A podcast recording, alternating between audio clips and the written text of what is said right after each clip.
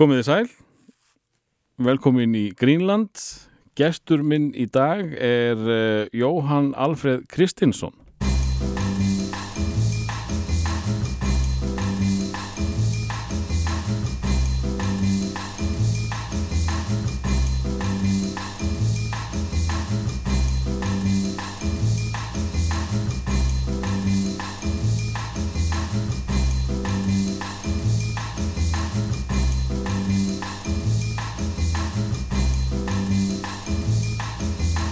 Velkomin uh, Jóhann Alfred. Takk fyrir, takk fyrir að fá mig Ert þú ekki síðasti með Íslendingurinn til að koma? Jú, ég held að ég sé svo síðasti Þannig að hérna, þeir síðustu vera fyrstir Það Nákvæmlega. stóð nú í biblíunni, þannig að við erum bara kampakátti Uh, þú hefur unni með grín svona mikið til uh, hins setni ár. Uh, fóstu snemma í grínið?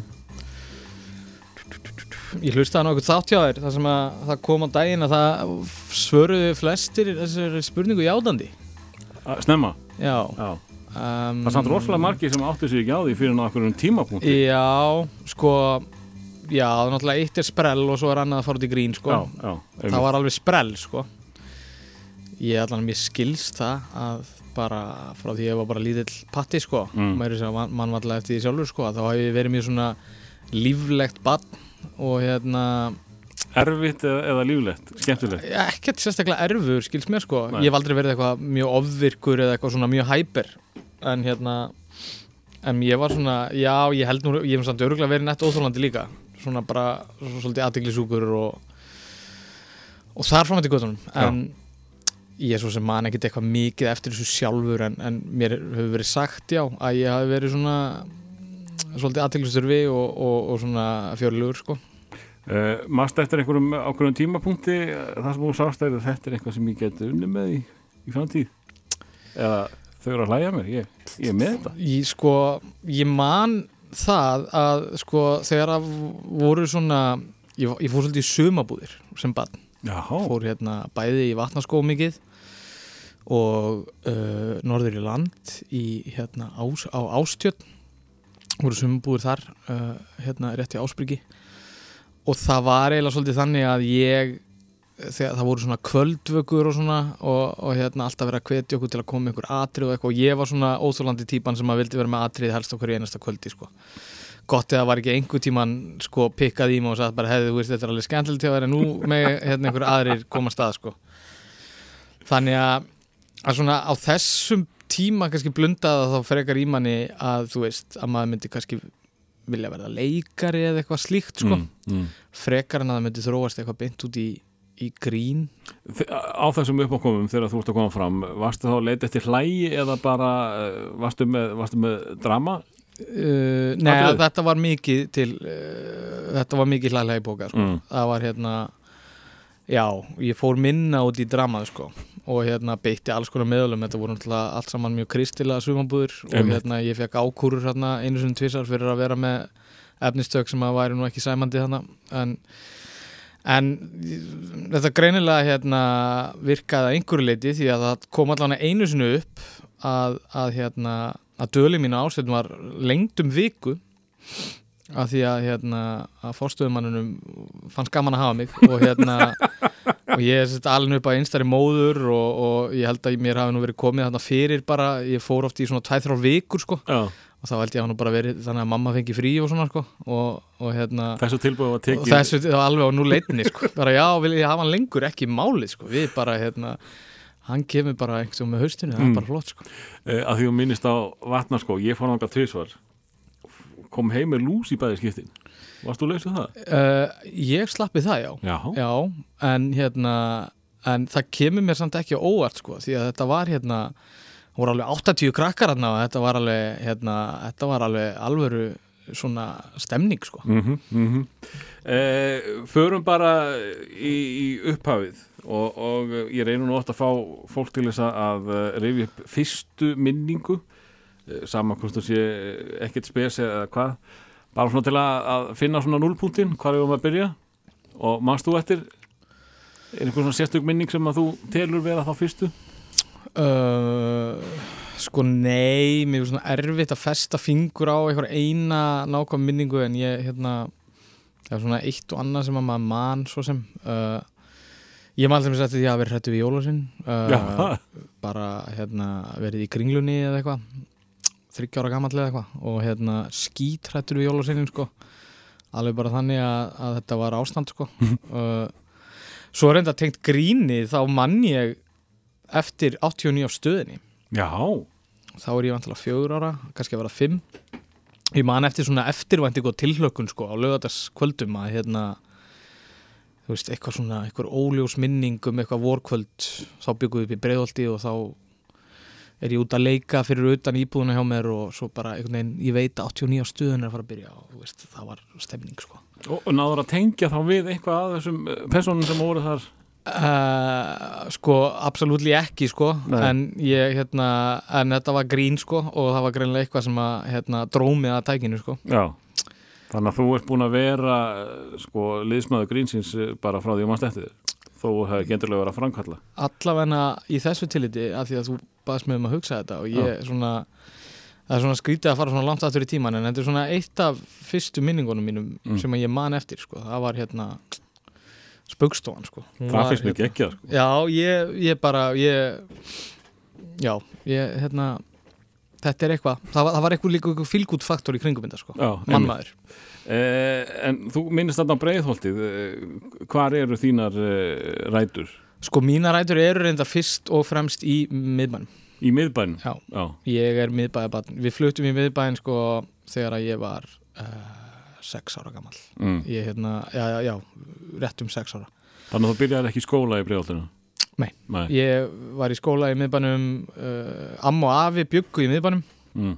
Og hérna, ég var alveg upp á móðum minni sem, var einstæð með mig þannig að það var hérna, þannig við fluttunir í bæ líka. Og ég var rosa mikið á flakki á milli sko ömmu og afa og mömmu. Mm. það var svona hérna uh, þannig að, já, þannig að veist, ég og mamma byggum fyrst á laugosvi og amma og afinn á Suðugutu uh, í miðbænum. Og ég var svona já, ég svona hoppaði þannig á milli. Já, og lítið mála að rölda þarna á milli bara einn á þessum tíma Já, Já, já, ég, hérna, já, ég var nú farin að skjótast þarna á milli eitt bara mjög snemma, sko, Mm. þannig laga, sko. Þetta var náttúrulega, sko, miðbærin á þessum tíma var, þetta er svolítið fyndið, sko, að ég, hérna, að ég kem að það 91 uh, og þá er kannski miðbærin svolítið svona sjoppulegur, sko. mm. Það er svona, uh, það var svolítið svona áhugavert að því að ég eiginlega bjó bara í miðbænum í 20 ár eftir þetta og svona, það var svolítið gaman að fylgjast með svona breytingunum sem átt sér stað. Það var ekkit vola fínt að búinir í bæ sko í kringu 1990 sko. Það Er var það svolítið, jú, auðvitað var alveg skilur það voru ákveðin hverfi og þú veist skilur en, en þetta var ekki orðið svona rosalega svona skilur eins og núna bara það vill ekki búa þarna lengur því að það er bara, það er bara orðið vesen og, og hérna, og átt börn, ekki og hérna, fastegna verið er allt og dýrt og eitthvað svona, en, en þarna skilur, ég, ég mætti þarna 91 og þá var fullt af krökkum og bara stemning, sko. Þá hérna, eh, svolítið spennandi að vita hvernig var að vera bann í miðbænum uh, eins og þú kemur inn og þá er það örugglega ekkert rosalega skemmtilegt í dag. Nei, það eru allan á öðruvísi, sko uh, myndi ég halda uh, hérna, en það var það var gaman, sko það var bara mjög skemmtilegt ég, hérna, náttúrulega, ég náttúrulega er alveg upp í þingoltunum, sko og þingoltin hafa alltaf verið svolítið svona eins og bara lítið þorp út af fyrir sig, sko Er það ekki einhvers konar uh, menningabæli? Jú, algjörlega hefur svona, e, þótt vera það í gegnum tíðina og það var það held ég nú alveg á þessum tíma líka sko. Mm. og hérna en það var mikið, en sko svo fylgdi sér bara með hverfinu svolítið svona breytast sko. Þú veist, að hérna bara tíu ára setna þá einhvern veginn voru allir krakkarnir meir og minna guðaður upp sko og hérna maður var bara einn eftir sko bara hann einhver rúlingur og eitthvað svona. En ég meina Þetta var mjög skemmtilegt, ég meina ég hef rætt það svolítið við kæristuna mína sko sem er úr Mosó alveg bara úr eins miklu útkværi og hægt er og hún var bara hrætt við að fara á hlem þegar hún var lítil og eitthvað svona, meðan ég var meira bara svona þú veist, maður lappaði bara hann við miðbæinn og Grjótharður? grjótarður og svo bara, þú veist, rónarnir voru þarna skiluru upp á þingolstræti í farsótt og, og hérna maður var bara að vesla mjölkupott fyrir mömmu skilur og þeir voru að vesla vaniludrópa á eftir manni og þetta var bara svolítið stemningin sko. Og, og, og, og þér fannst það bara eðlilegt að fara að vesla með, með róna kannski undan þér? Já, þú veist, maður vandist því bara eða, þú veist, uh, bara, bara hitt bestu menn sko, það var ekkit, það var ekkit problem þannig sko, en hérna þetta, jú, jú, ég meina þegar maður var pínlítill skilur þá var svona, svolítið að einhverju skrýtnum fólki hérna á, á stjá í bænum sko, en, en þetta var bara ótrúlega skemmtilegt sko, og svo bara einmitt sko, fylgjast með svolítið miðbænum lifna við sko, það var hérna, þetta er einhvern veginn alltaf gerast á þessum tíma sko, svona uh, í nýjunni, eins og maður segir, þá einhvern veginn breytist svo margt í miðbænum sko. Einmitt, og, og, og við fyrum að vera svona að líta okkur sem uh, álfuruborg, ekki, ekki þorp.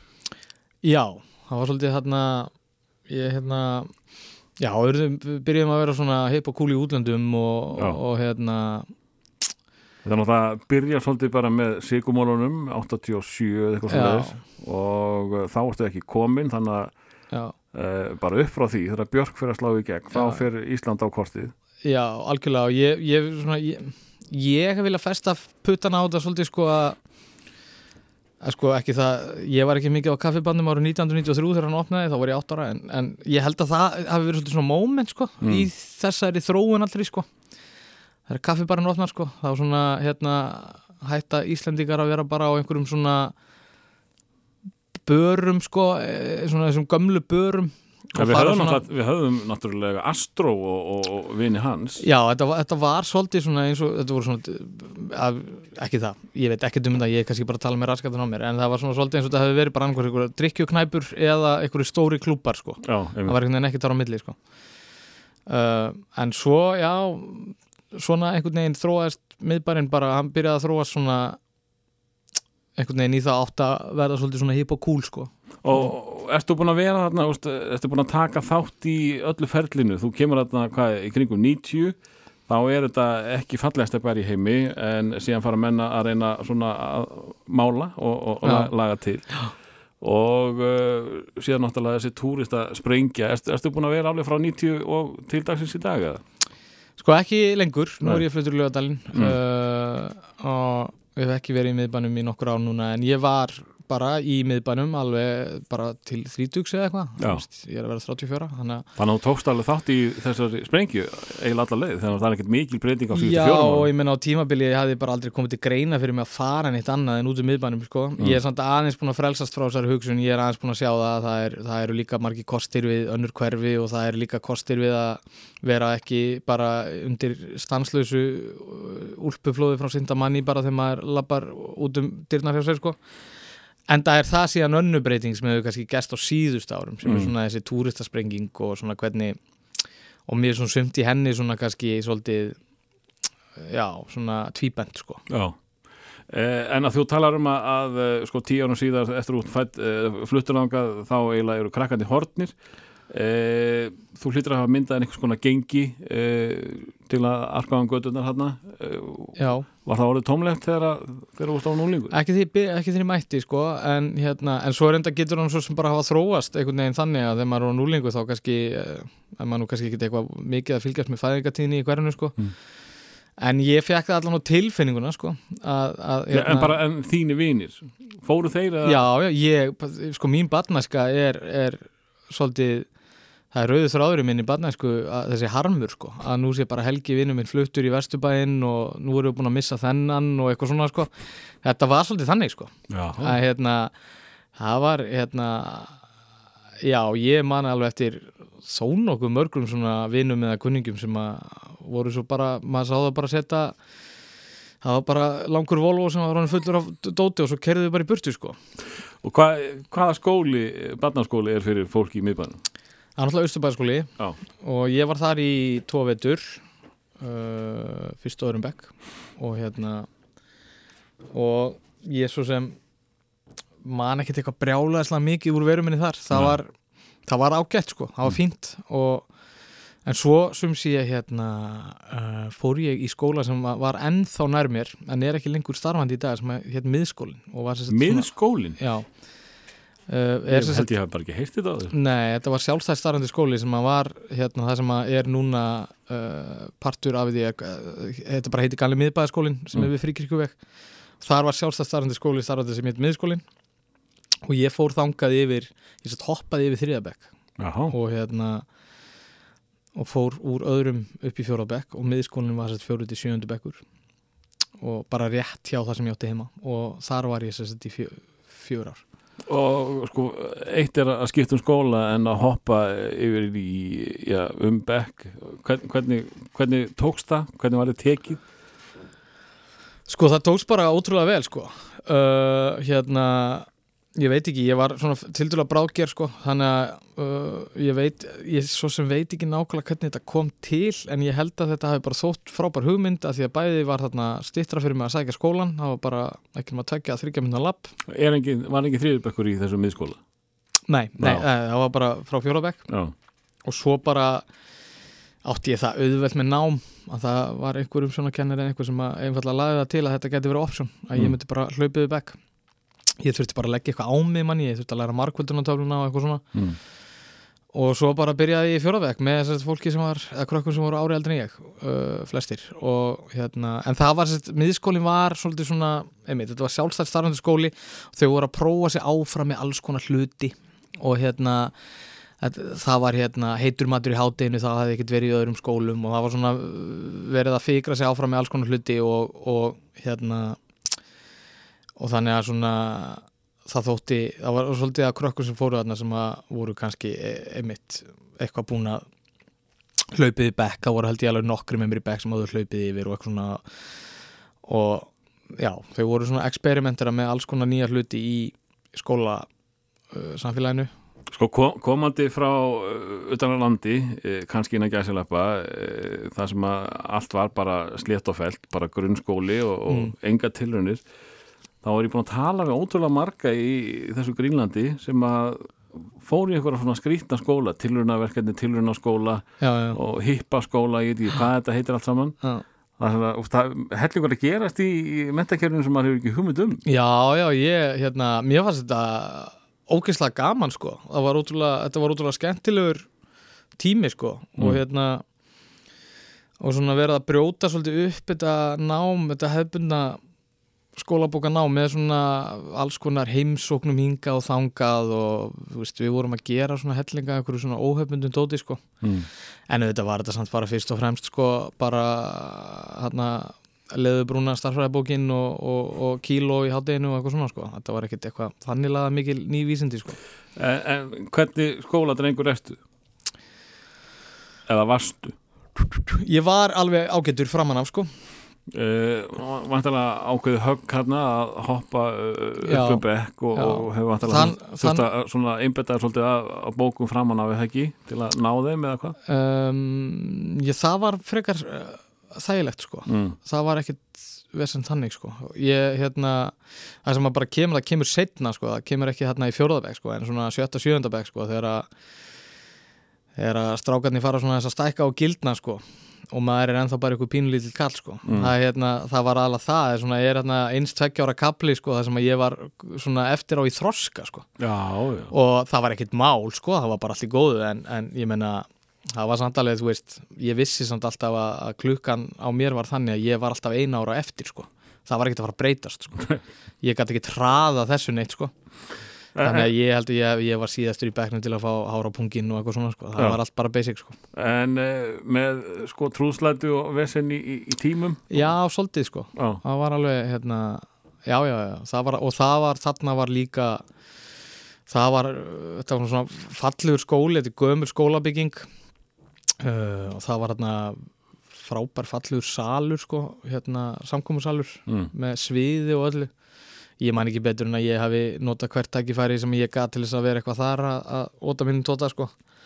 Og einhverja jólaskemmtanir og eitthvað svona og, og einhvern tímann mann ég að ég hérna fekk meiri segja sko að því að þetta var svo óhefbundi, þetta var svo mikil tilraunaskóli Já, að það var annar strákur hann Rúnar Ingi uh, sem að er auglýsingarleikstjóri í dag. Mm. Við, hann var í bekknum fyrir neða mig og við vorum svolítið svona sprellarar og, og svona og hérna, við fengum einhvern tímann bara frí sko til að gera leikrit sko.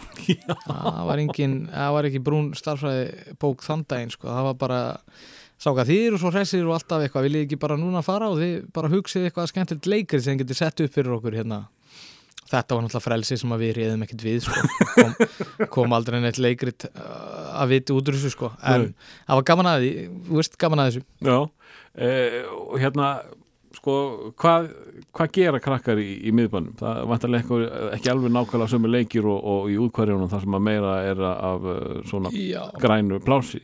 Já, ég, sko, það er nefnilega máli ég, og þetta er svolítið sem að hefur kannski alveg aftra mér alla mína hunds og katta tíð sem er að, hérna ég meina, lífið í miðbænum fór bara mjög fljótlega út í það að eh, bara selja geisladiska til að fara nonabita, sko. Það var hérna uh, það er einmitt ekki mikið að grænum svæðum mm.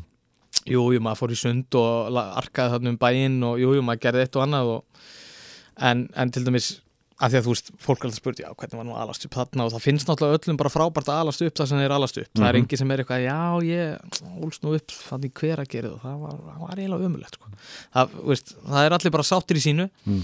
en ég sé það samt alveg núna eftir á að það voru svona ákveðni hlutir sem að hérna, uh, sem að eru svolítið skrítni sko, að þú ert í miðbænum sko. Það Já, er, hérna, já þetta, þetta, þetta er allt önnu veröld Já, að því, hún er svona þú, ég, ekki það, það fullkomi frálsæð, þú gast bara arkað um eins og þú vildir og gert það sem þú vildir þannig sko, það var engin engar áhyggjur út af því en, en þú varst ekki kannski beint að fara einmitt hérna það voru ekki þessi stóru og opnu víðerni neitt sko, það sem Mm. þú gast verið að djöblast eitthvað sko, og ég til dæmis og það, voru nú alla að segja frá þessu en ég sem sagt, eh, kann ekki að hjóla.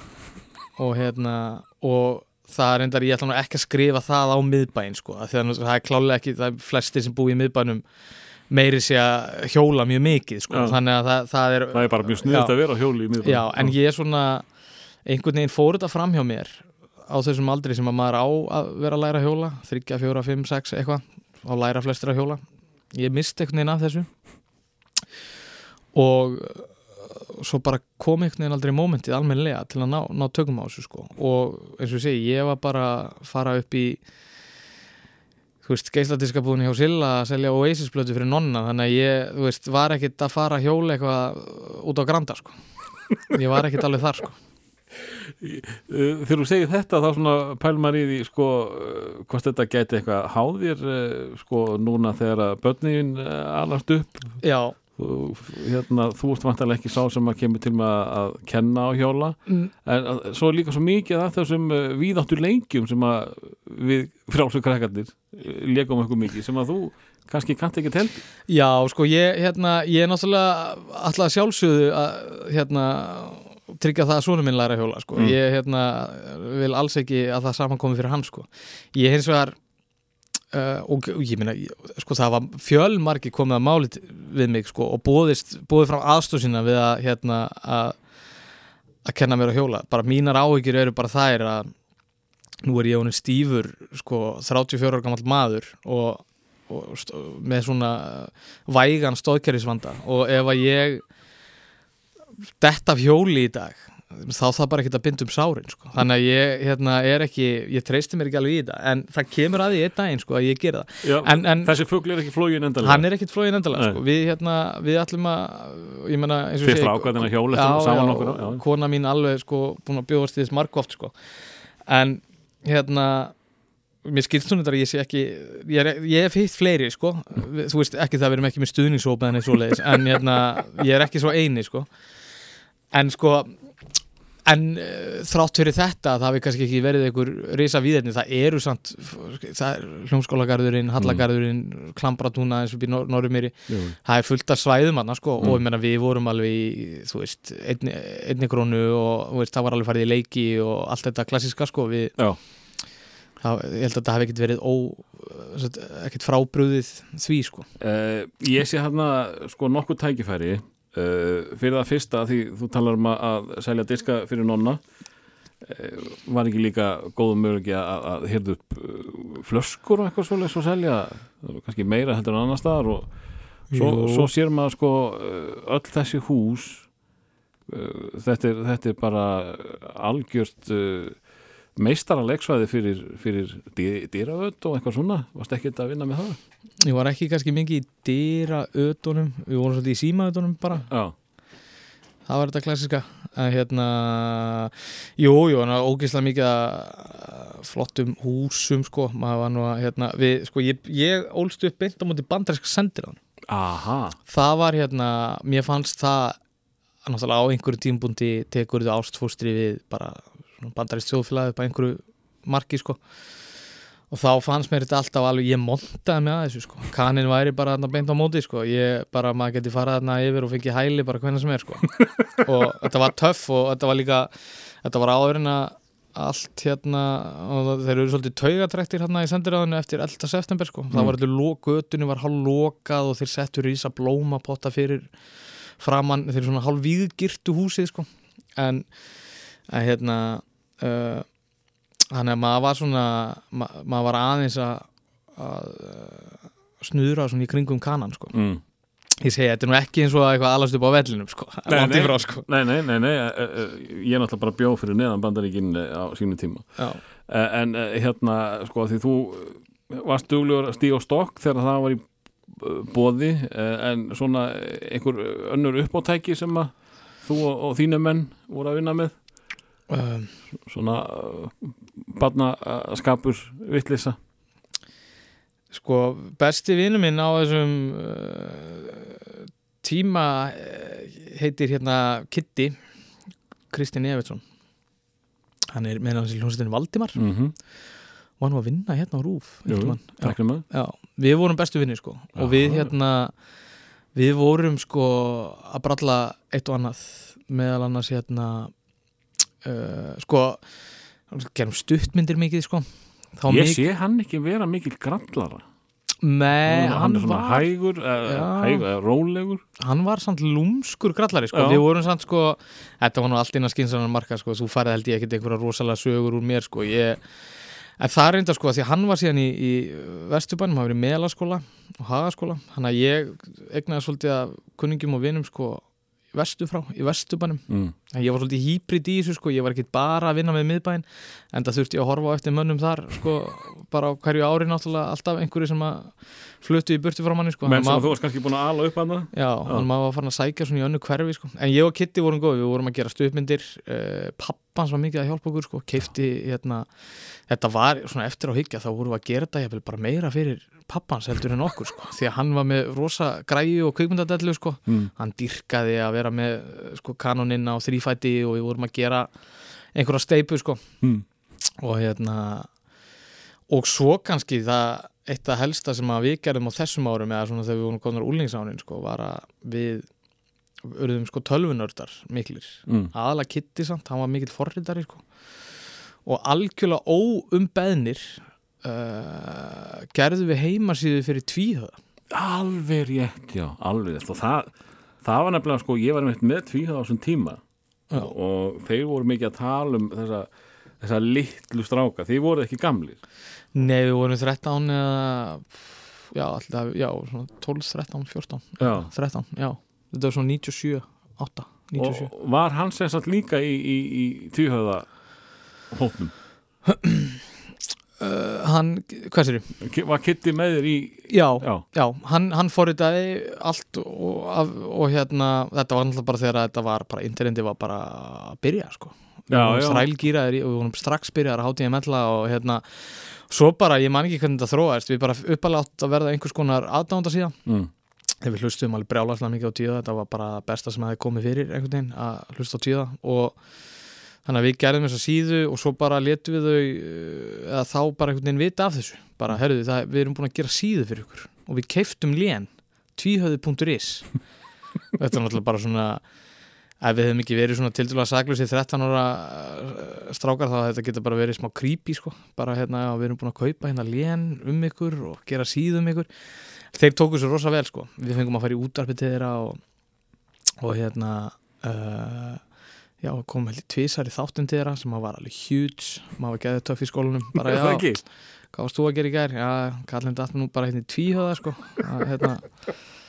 og uh, bara Jóngnar snerti mig með þessar hendi uh, og svo fengum við meiri sig að, að, að launum fengum við líka að að mæta á sett hjá fósbræðum sko. Já, það var verið að taka upp fósbræður uh, það var hérna já, ekki, ekki, ekki minguðu kallatinu það nei, það var ekki heldur betur maður það var alveg geggjað sko Mm. og svo var hérna var haldin hérna einhver tvíhöði forsýning af einhverju mynd sko, eitthvað tvíhöði.is eitthvað í samstarfi við, eitthvað svona Mm.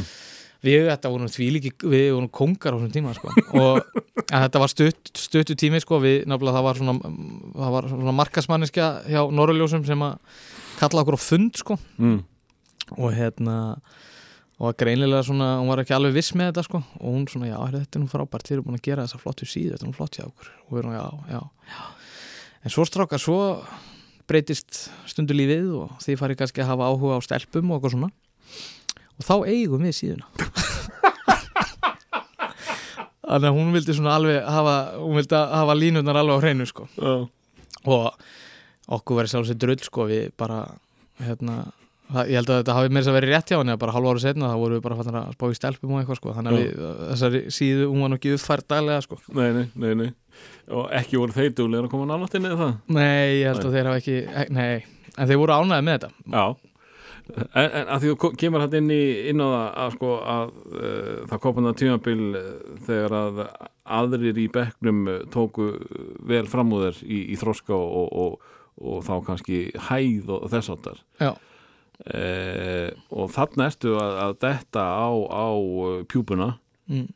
uh, var það ekki erfitt upp á stelpur að gera svona að vera litli strákurinn í bekk Jó, svona eftir á að hyggja sko férstu kannski krút stimpulinn Já, og varstu ég, vinnuð þeirra já, ég, já, ég bara alveg með mistragráði í öxlinni sko. það var alveg bara, maður var með axlinnar út um allt sko.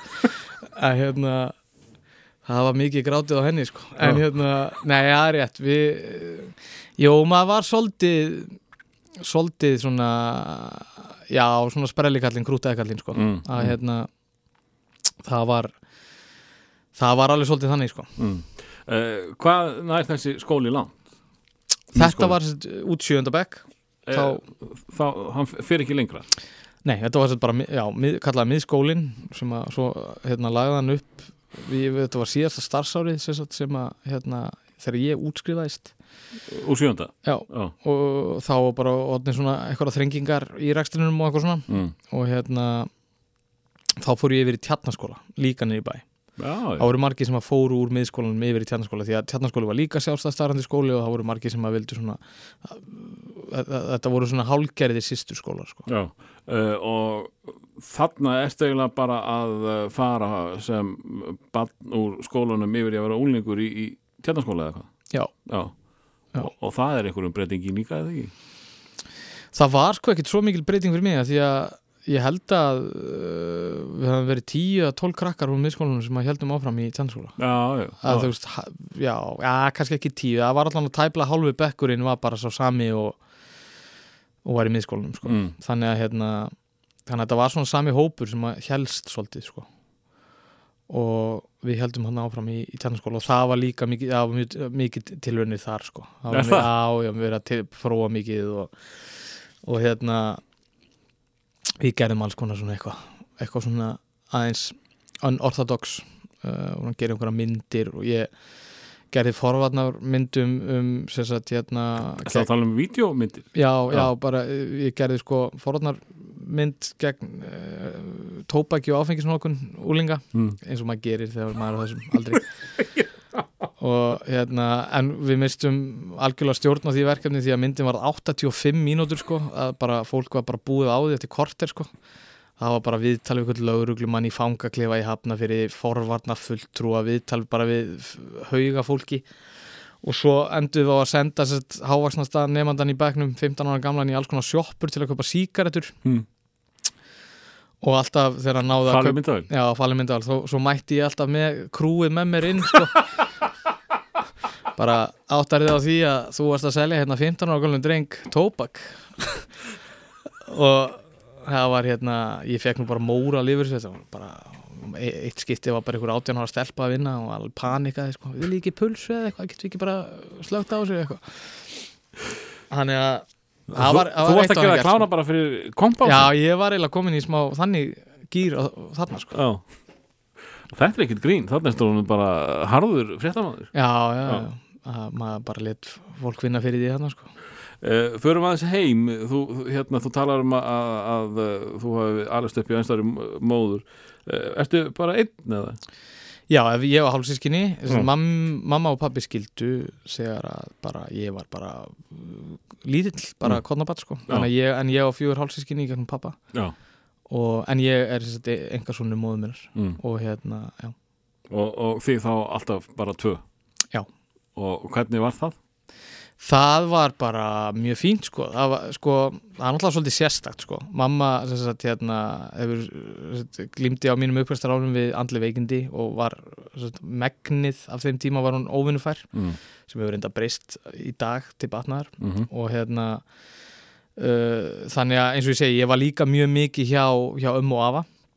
Og amma og afi uh, þau áttu tvo sinni sem að voru svona eins og hálgerir uppeldsbræði mínir við sem mun eldri sko, tíu árum eldri en ég. Já, og hérna mm, en, en já, ég og mamma vorum að megnu til bara, bara einn sko og hérna það var, það var mjög fínt sko. Ég er náttúrulega bara engabatn og ég veit að það getur verið svolítið óþólandi sko að ég, ég er til dæmis ekki vissum að, að ég, veist, ég vil að svona minni eigni sískinni sko, mm. já það getur verið svolítið spes að vera engabatn sko, maður svona sekkur svolítið í sin eigin heim sko.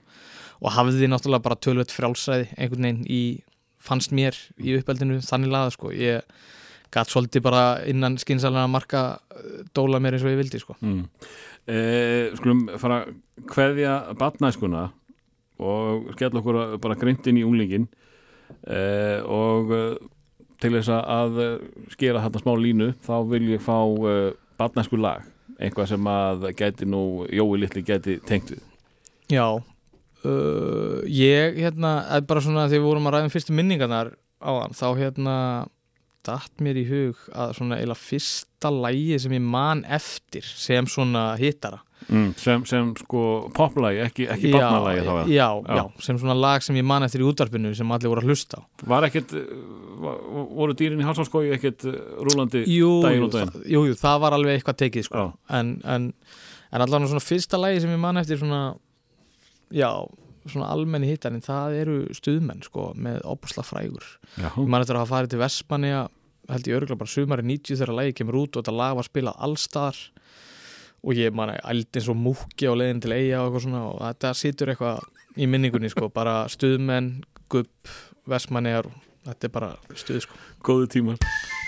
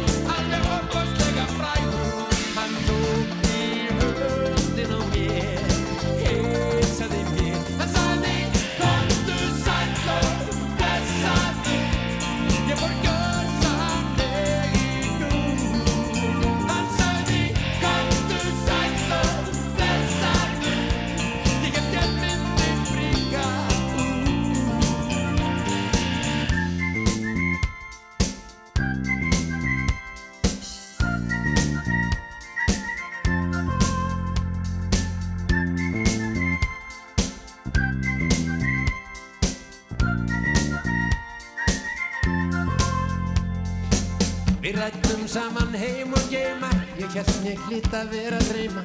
En ég var alveg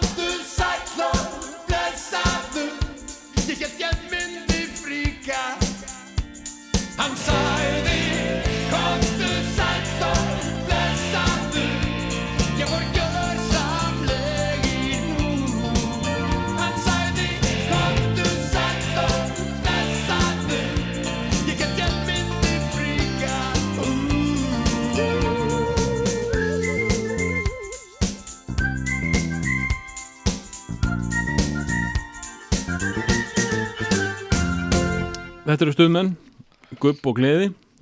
Uh, Þetta er sem sagt barnæskulagið hans uh, Jóhanns Alfreðs. Uh, Við ætlum að færa okkur yfir í unglingin Jóhann og, og, og svona miða við það sem að þú er talað um sem barn þá ger ég alveg ráð fyrir því að þú hafi verið nettur svona grallari og svona, svona nettöfari Er ég að lesa rámt í þetta? Ég var náttúrulega svolítið nörd sko. Já, Já, já, eða veist nörd er töff í dag. Já, ég var svona, ég var sko ég var svolítið hýbrit sko. Mm. Ég var hérna ég var svona léttur lúði sko. En samt svona já, en samt sprellikall líka sko. Já, Ég en svona ekki- þitt sprell sko virðist kannski vera aðeins uh, dýbra heldur en uh, kannski annara með, meða við það að þú gerir þarna þetta magnaða uh, myndband gegn uh, reykingum og áfengi. Já, já, og, og sko hvaða sprellari sem er myndi ekkit endilega gera það. Nei, nei, nei, kannski ekki sko. Þannig að þú, þú, þú er svona ákveðin típa þá í, í þínu. Já, það kann að vera sko. Ég hef svo sem ekki pælt í þannig ég, hérna en uh, nei, nei, ég en sko það var nú bara svona uh, já, ég veit ekki hvort að ég hafi verið með eitthvað svona drauma um, ég var ofta svona imitera eitthvað svona sjónvarpstótt sko Já, það, já, kannski og, og, og tókstu upp og, til að eiga eða? uh, já, já, já, Já. við tókum mikið upp sko heima hjá ömmu og afa sko það var hérna, var bara mikið satt til það við áttum þættinans Eiríks mikið.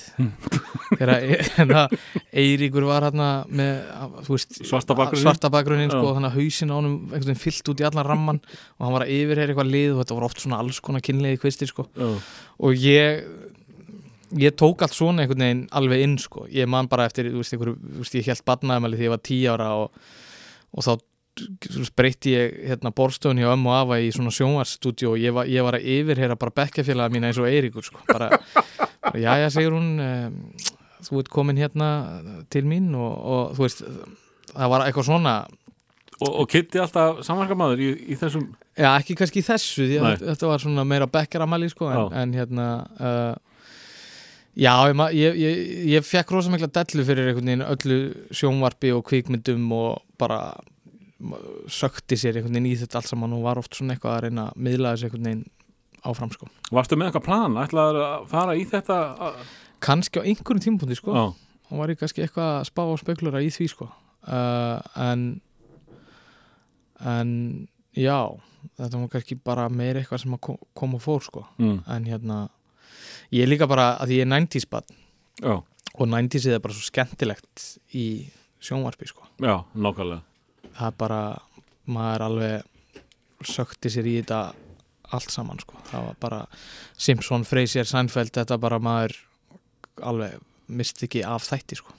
En það er greinlega ekki droslega langt í kaltæðnina eh, hjá þér með að sem þú segir og svo nefnir að þarna sjónvastætti sem að er einhverjum með kaltæðni.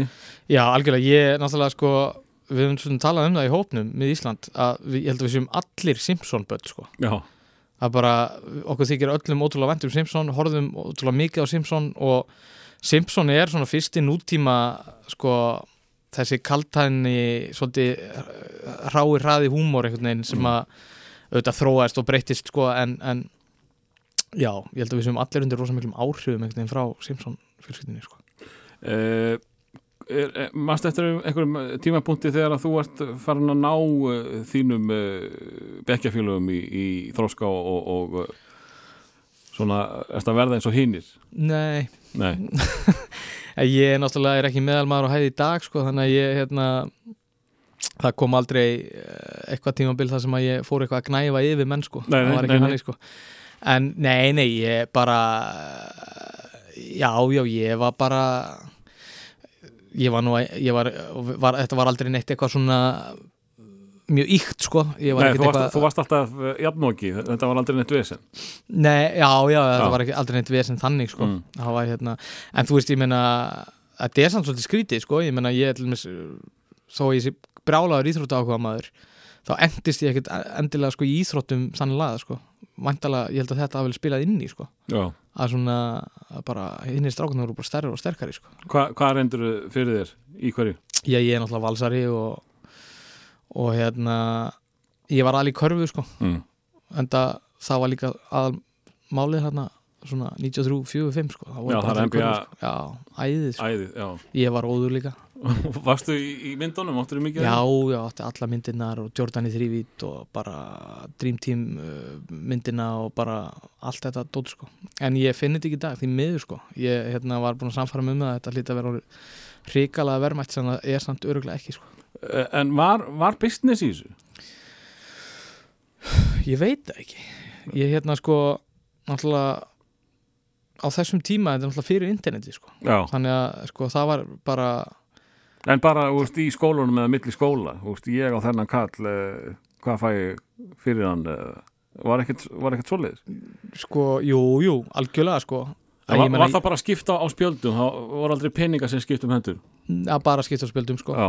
uh, allavega í mínu tilfelli er svo náttúrulega gastu fara út í shop og geti fleiri myndir og Já. borga 300 kall fyrir það eða eitthvað en hérna, þetta var enda, þetta er mjög ákvæð, þetta er svona hagfræðileg stúdía sko, Mm. að hérna bæði sko, var- hefði verið gaman að bera það saman sko, hvernig verð á, á Jordan í þrývít þróaðist sko í vesturbænum versus miðbæn versus breiðholt versus árbær sko að því að ég meina að maður myndi alveg maður let alveg tvo Malone, einn Ewing og, og jafnvel Stockton með fyrir Jordan í þrývít sko, kannski var einhver önnu verði í gangi upp í árbæ ég veit það ekki þetta, þetta Var, alveg... það, var það the holy grail? Var það Jordan í þrývið? Já, mér finnst það í minningunni sko. Já. en já mér finnst það sko það þótti líka gott að eiga sko sterk að kalla í rúki sko bara, Já, já. bara já, rúki Ewing bara mynd frá úst, 85 sko Eh, En eh, sko, hva, hvernig unglingur ertu? Eh, Ertu unglinga veikur? Nei, ég var til dæla þægilegu með allt svo leiði sko Já. ég hérna uh, já, fyrir utan þetta hefðbunna ég náttúrulega bara svaf ekki um helgar sko Mm. ég var bara, Varstu á djammar eða? nei, ég var Nei. bara að horfa á eitthvað í tölvunni eða ég, þú veist ég var örgulega úlinga veikur á mótnana sko Mm. þú veist, þegar að hérna var verið að reyna að vekja mann og draga mann fram úr sko Og hvað ertu að gera í tölvunni? Þú veist, netið er komið þarna, það er náttúrulega ekkert, eh, það er ekki merkilegt. Nei, netið, hérna, ég hef mitt heyrið það en daginn, ég er 85 model og þá er ég millennial, mér fannst það uh, skellur sko, að heyra það sko Þá ertu með hvað? að, þá, á ég að tilheyra millennial kynnslóðinni sko, Já, ok. ég, al, að, sko að því ég tengi ekkert við það sko, að því að ég lifði fyrstu 12-13 ára æðin minnar algjörlega netlaus Mm. og hérna og ég held að það geti bara ekki gengið upp að ég sé að millennial sko, en Er, er, er það sama kynnslóð á, Íslandi og í bandaríkjunum? Er 85, þú veist, mér finnst það bara ekki réttlátt? Já, ég, ég, ég botna ekki í þessu eins og sko. en það var bara, þetta að googla þetta eitthvað, það er bara eitthvað 85 til 2000 eða eitthvað, þetta er eitthvað allt og breytt en Uh, sko já, ég meni, ég fekk samt ekki tölvu fyrir en sko við áttum bara leikjatölvu og Mm. svo svona 97-8 þá kemur bortalvan og netið og Já. maður er að sækja trailerin fyrir Titanic og bara það tekur uh, heilt kvöld að gera það og það er mjög spennandi sko Hmm. Spennandi tímar sko. En, en uh, hérna tjarnaskólin félagslíf og þess áttar eða hvað, nær hann land? hann er bara út uh, Gago, Hann er út gagójó út tíunda vekk uh, virkar ekki sem mesti partískólin nei, það má held ég líka alveg til sannsvega að fara sko. Það voru, þetta voru ekki nema þrý bekkir. Mm. það voru innan við hundra nefnendur hana Já, og hérna uh, það var samt þetta var svo þéttur og samheldin og bara skemmtilegur hópur sko. Við gerðum uh, hellinga af einhverju dóti sko. Þetta var endar hérna mm, uh, sko ég er með 84 árgangnum í skóla og hérna þetta er á þeim tíma sem að það er verið að stopna alls konar svona foreldra samtök um alla hluti sko.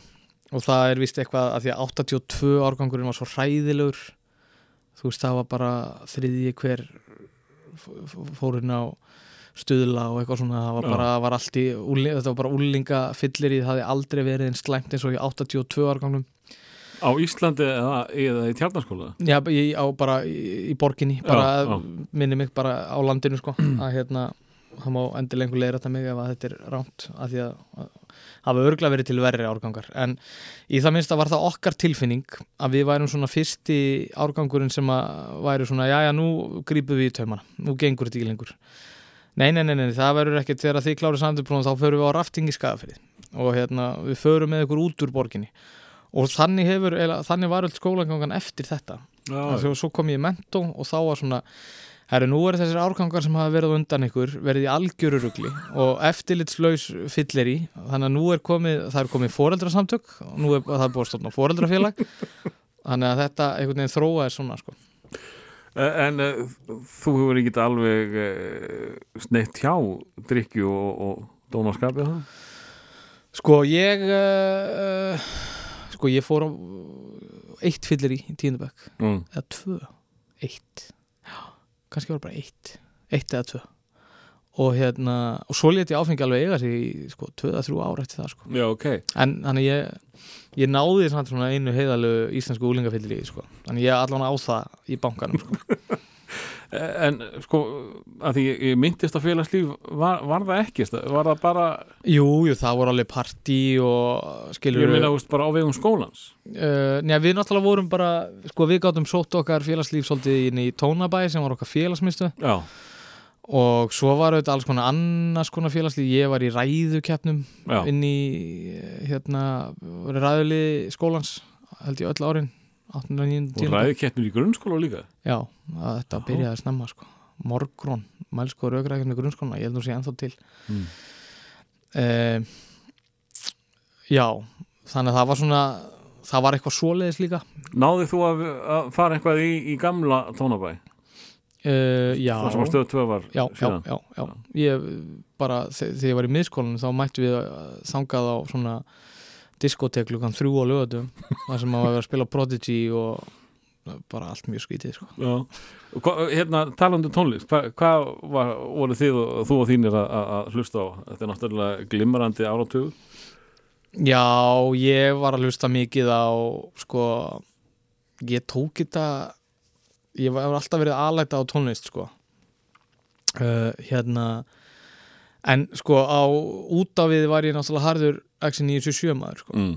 það var ekki það var allan ekki sínt á neinanu spil kakvart sko skólabræðurum og, og hérna þannig að maður var svona rock hundur sko ef Mm. út í það er farið Mm. en, en svo svona þegar heima komið þá, þá var svona eitt og annað sem fór undir náluna sem maður kannski maður, maður talaði ekki um sko Svo þóldi ekki. Sem að þú ætla greinlega ekkert að fara nána út í hér.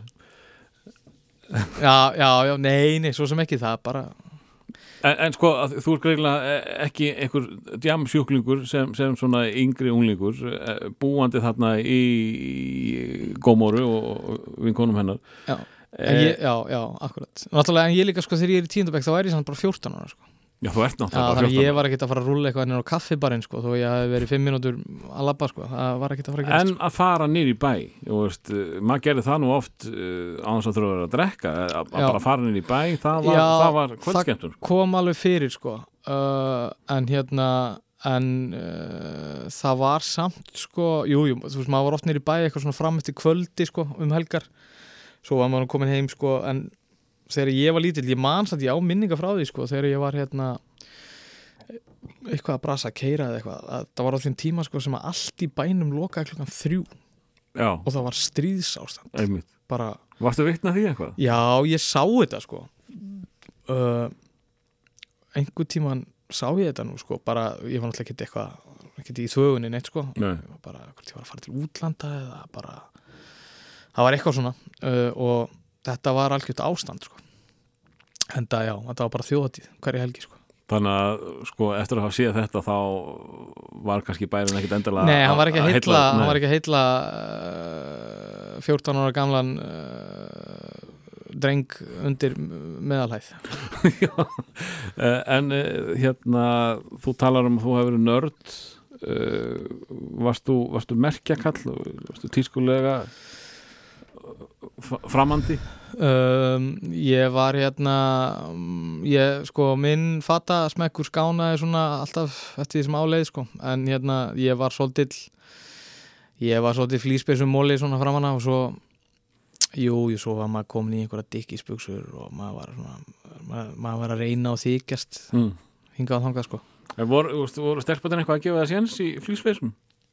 Nei, nei, Nei. sjálfsög ekki, sko það er vildi ekki sjá það, sko en hérna, Hvenær ferð þú að- detta inn svona sem, sem kallinn sem þú ert? sem kallinn Sem þú ert í dag? Já, ég, kannski gerist það meira bara í mentaskóla, Já. þú veist, myndi ég halda sko. Mm. Já, alltaf sé ekki meira svona í mentaskóla sem að maður fer að svona setja gil í hárið og, og fara í flaujalsjaka og svona eitthvað, verið í einhverju stuði sko. Uh, ertu eitthvað farin að umgangast uh, þessa menn sem að þú ert að vinna með mikið í dag uh, í grunnskóla eða kemur þetta allt í, mentaskóla eða síðar?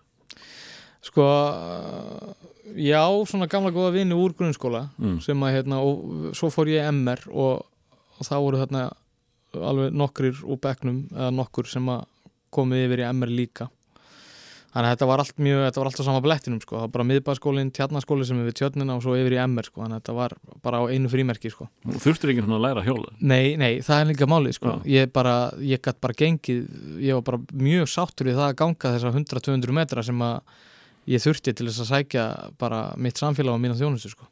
uh, Tökum aðeins þetta sumar milli, milli skólana frá, uh, frá grunnskóla yfir í mentaskóla uh, þá byrja menn að vinna og eitthvað svoleiðis uh, Já. Hvað hva gerir lítill on? hérna uh, 2000 sko, ég, hérna, það er reynda gaman frá því að segja Mm. að ég hef svo ekki minnst á þetta uh, kannski í þessu viðtal hérna en uh, árið 2000 varð mjög góður vinur minn uh, valinn vannan getnin að finnast maður Íslands Nú, og að því við vorum að tala um vinnið í, já, bara góður vinur minn, hann Lalli Já. Lalli, þá kallaði Lalli Feiti, Mm. nú gengur hann frekar til nafninu Lalli Sjúkrali Sjúkralið? Uh, hann sem sagt Kitty Bigfoot kefti buksundan hans. Já, var það ekki? Já. það var hérna sko 99 vinnur Pétur Jóhann. Og 2000 vinnur hann Lalli. Og ég hafði kynst Lalla, hann var mjög góð vinnur sem sagt Salvas frænda mín sem er uppeldisbróðum minn. Og uh, hérna og Lalli uh, ég hafði kynst honum mikið í vatnaskogi og hann, hérna, Hann er nú eitthvað eng, eldri en þú já, já, hann er nefnilega tölvöld eldri en ég sko. og, og þarna kemur svona kannski að þessu sem að hefur að einhver liti marka með líf sem ég hef alltaf verið að mýða eitthvað utan í eldra fólk sko. ég, hérna, en, en sagt, í fyrsta skipti sem ég fer inn á skemmtistað þó að ég búið nýr í bæ og allt þetta það var þegar ég var 15 ára gamall og fór nýr á kaffi Reykjavík með honum Guðnamá sem er núna prestur í Lindakirkju Mm. og var umbósmaður hans Lalla og fylgdist með Var honum já, og hérna og fylgdist með Lalla að vinna þessa keppni sko, finnast það finnast maður Íslands árið 2000 og ástæðan fyrir því að þeir vildu taka með hana með var svo að var svo að hérna, þeir vildi að ég myndi fara og læra og, og svona fylgjast með þessu að því að ég hefði klálega sko, einhver, einhver talent á þessu sviði og hérna og að, þetta væri gott, gott fyrir mig að mæta þarna og, og það átti náttúrulega alls ekki að hleypa mér hann inn sko, því Mm. að ég var bara 15 ára bara ekki með grönu eða neitt sko. En og ekki mjög svona þroskaður ekki mjög Nei. eða neitt sko þannig að hérna, en það var einhvern veginn hægt að kjaf, kjafta það til sko. En það var ég ekki að fara á fyllir í hérna en eins og leið sko. Nei, nei. Eh, Þetta er, er árið sem að Ötti tekur þáttið það ekki? Ötti var í öðru seti, uh, Hann segir það. Já, var hann ekki í öðru seti? Jú, ég held Það. að var bara ákveðið fyrsta sæti Svo voru tveir hinnir bara í Já, þeir voru þrýr hérna, já, ok, það kann að vera, já. En hérna, mér finnst einhvern veginn að svona hafi verið öðru seti Ég man eftir auðvitað þarna, sko Já, já, fyndinn, hann sko. var fljótur, hann var fljótur að segja hann að verið öðru sæti já. En ég held að það hafa aldrei verið sæti, sæti sko. En þetta er svona eiginlega í fyrsta skipti sem að ég kynntist alvöru svona uppistandi einhvern veginn Því að þarna var þessi keppni byrjuð, sko, finnast maður Íslands sem að Og auðvitað Jóngnar þar á undan Mm. Með sýninguna sína, sko Ég var einu svona nörd, maður hafði náttúrulega farið á hana og keipt hann á spólu og allir bakinn, sko Eh, En svona, þegar þú sér þetta Vakna einhverjar vonir í, í, í litli hjarta? Einhverjar þrár? Sko, ég, mér fannst þetta geðveikt, sko Lalli var náttúrulega ógeðslega góður Já, hann var ógislega góður hérna og hérna og hann eiginlega bara mér finnst nú bara í minningunni hann svolítið bara rústaði þessu kvöldi sko, Já, ég og líka. keppni, sko, og Já. hérna og ég veit að þú veist ég, að því að ég kannast ákveðlega við hann og, og ég fylgdist með honum menn hann fór að skemmta á fullu hérna, alveg árið eftir skilur við, vera hann með fullt af giggum og svona og, en þú veist akkurat á þessum tímabúndi kveikti þetta kannski ekki eitthvað sérstaklega í mér af því að ég var bara í MR og bara að gera eitthvað annað skilur en, Mm. en, en mér finnst samt sko að því að þú myndist á þetta hvað varst að gera á 2000 og allt í nú flög þetta í hausunum mér sko þá mér finnst svona gaman að ég actually var þarna sko Eh, Þú, þú manst ekkit hvað varst að gera þetta sumar áður sumari 2000, mér finnst þetta í að einhverju sérstöku. Leiða ekki. mig í gildru. Alls ekki. Ég sko uh, ég held ég haf nú bara verið í bæjavinni og svo fór ég að vinna á fljótt og gott af því að pappi minn vann þar og bróði pappa átti og rækðan stað BSI mm. og fór að vinna þar í, í lúðsjófinni sko, sem var frábært sko. Árið 2000, já Ég ætla ekki að fara á núna. Þú ert að, þú ert að Nei, nei, ég er bara allt í náttum að þú mögulega vannst með konunni minni en uh, það er fyrir annan þátt. Uh, Förum í MR af hverju, uh, það er náttúrulega bara fjallaðin sem að sendi þið þangað? Já, eiginlega, það var eiginlega þannig. Ég var eiginlega búin að ákveða að fara í MR fyrir að þú veist, það var einhvern veginn lungu ákveð sko. ég var svona eitthvað, jú, jú, maður var svona eitthvað gæla í, þú veist, kvenn og eitthvað. Svo fór maður á kynninguna í Vestló og hérna, tölvustofan rosa fín þar og eitthvað svona, en svo var bara MR, bara málið sko. Sko þarna er Vestló uh, svaka uh, töff og heitu skólið það ekki var, var, ekki, var þetta ekki að kveiki þér? Vestló? Já Nei, uh, sjálfsög ekki sko. Hafður engan áhuga að taka þátt í þessum sýningum, verða söngvari eða, Nei, nei, ég hef aldrei ég er enda að var í kór, ég var í drengjagór en ég hef samt aldrei verið mikill söngmaður þáttur í það sko, þannig að ég nei, þetta kveikti ekkert eitthvað sérstaklega í mér sko. Og veist uh, ég líka held að sko, já að sko MR var líka alveg mm, maður þótti bara flottur og, og svona nokkuð nokkuð eftirsóttur skóli sko, þannig að ég ákvað bara að setja kapitalið í að reyna að komast þangað inn og það gekk sko, þannig að samt heyrist manni á, á því sem þú segir að, að, að sko, þessi skólar uh, sem eru þó nokkrir bara á, á grunnskólaferlinum þetta er ekki endilega einhverjir partískólar Nei, þetta er svolítið, virðist vera svolítið svona slettir og feldir þó, þó já eitthvað tilrunni Já. þarna En þú veist, núna það kemur að ég er svo sem veit ég hef svo sem ekki samburinn sko. Nei. Jú, jú, ég veit reynda hvernig þetta var í hagaskóla og það, það krakkandi það voru trítilóðir sko. Mm. Ég fór í nokkur hagaskólapartí sko. Það var hérna, það var eiginlega emitt, það var kannski helst þar það sem að hérna það, komst í eitthvað djam á, á þessum tíma sko. En Nei, nei, en MR er nú samt svona það var nú alveg nokkuð mjög líflegt félagslífi MR sko, en það fór ég þanga og ég tók það með svolítið trukki sko. og hvaða félagslíf var það að heilla þig? Sko, náttúrulega Ræð, ræðumennskan eða ekki? uh, Jú, sko uppalega náttúrulega ætlaði ég að fara í getur betulið Já, í MR Það var bara ég ákvað það bara því ég var 8 eða 9 ára gammal sko, að ég myndi bara þú veist uh, þegar bara MR byrjaði að verða óþólandi sigursalt í getur betur. Þegar og frændi tvíburar- minn þegar- Þegar týpurarnir tóku þetta? Já, nei, já, það var í MS eða ekki? Nei, ekki að ég, allan frá eitthvað 93 bara byrjaði þessi sigur ganga hjá MR og Mm. hérna og frændi minn var þá í MR og ég leitt upp til hans og svona, ég bara, ég ætlaði að vera hana og ég hafði sett unni spurningakeppni tónabæðar þrjú ári í röð með tjarnaskóla og hérna það var maður sem að lísti því einhvern mann við mig að að hérna, já, ég man eftir í þessar spurningakeppni, þú varst algjört ógeð maður, mættir þarna hverju einasta ári og þið unnuð alltaf þessa keppni, þetta var alveg þetta var viðbjóður að fylgjast með þessu sko. þannig að ég svona taldi mig vera í þokkalum sjens mm, og fer í inntöku próf, þá bara haldir í þess að inntöku próf haustinn og þá kemur áfallið að ég næ sagt ekki inn og veist, í já, af því að það þurfti að búið til nýtt lið það, það vantaði bara nýtt lið það, bara, það gamla lið var hætta, það vantaði bara þrjá nýja. Og þá voru þrýr aðrir með mér í árgangnum sem sagt busar. Og þetta var náttúrulega yfirleitt verið að reyna að prófa busana, hva, hvað þeir getur og voru þrýr á undan mér bara, veist, bara sterkar en ég. Þannig að ég fór í identity krísu bara strax þarna í byrjun námsins. Hvað bara Þetta hafði bara áhrif á Já, sáluna bara draumurum var farin sko. Og bara nokkuð ljóst að ég var í fjórasæti og það var bara, það var bara því sem að myndu komast þarna. Þannig að bara þetta var aldrei að fara að ganga upp. Og, og þá eiginlega fór ég út í þetta ræðu brass. Já, var svolítið í því sko. Mm. og, og, og þið eruð allir í, í mið Íslandinu er það ekki? Jú, búinir að gera stóra hluti. Já.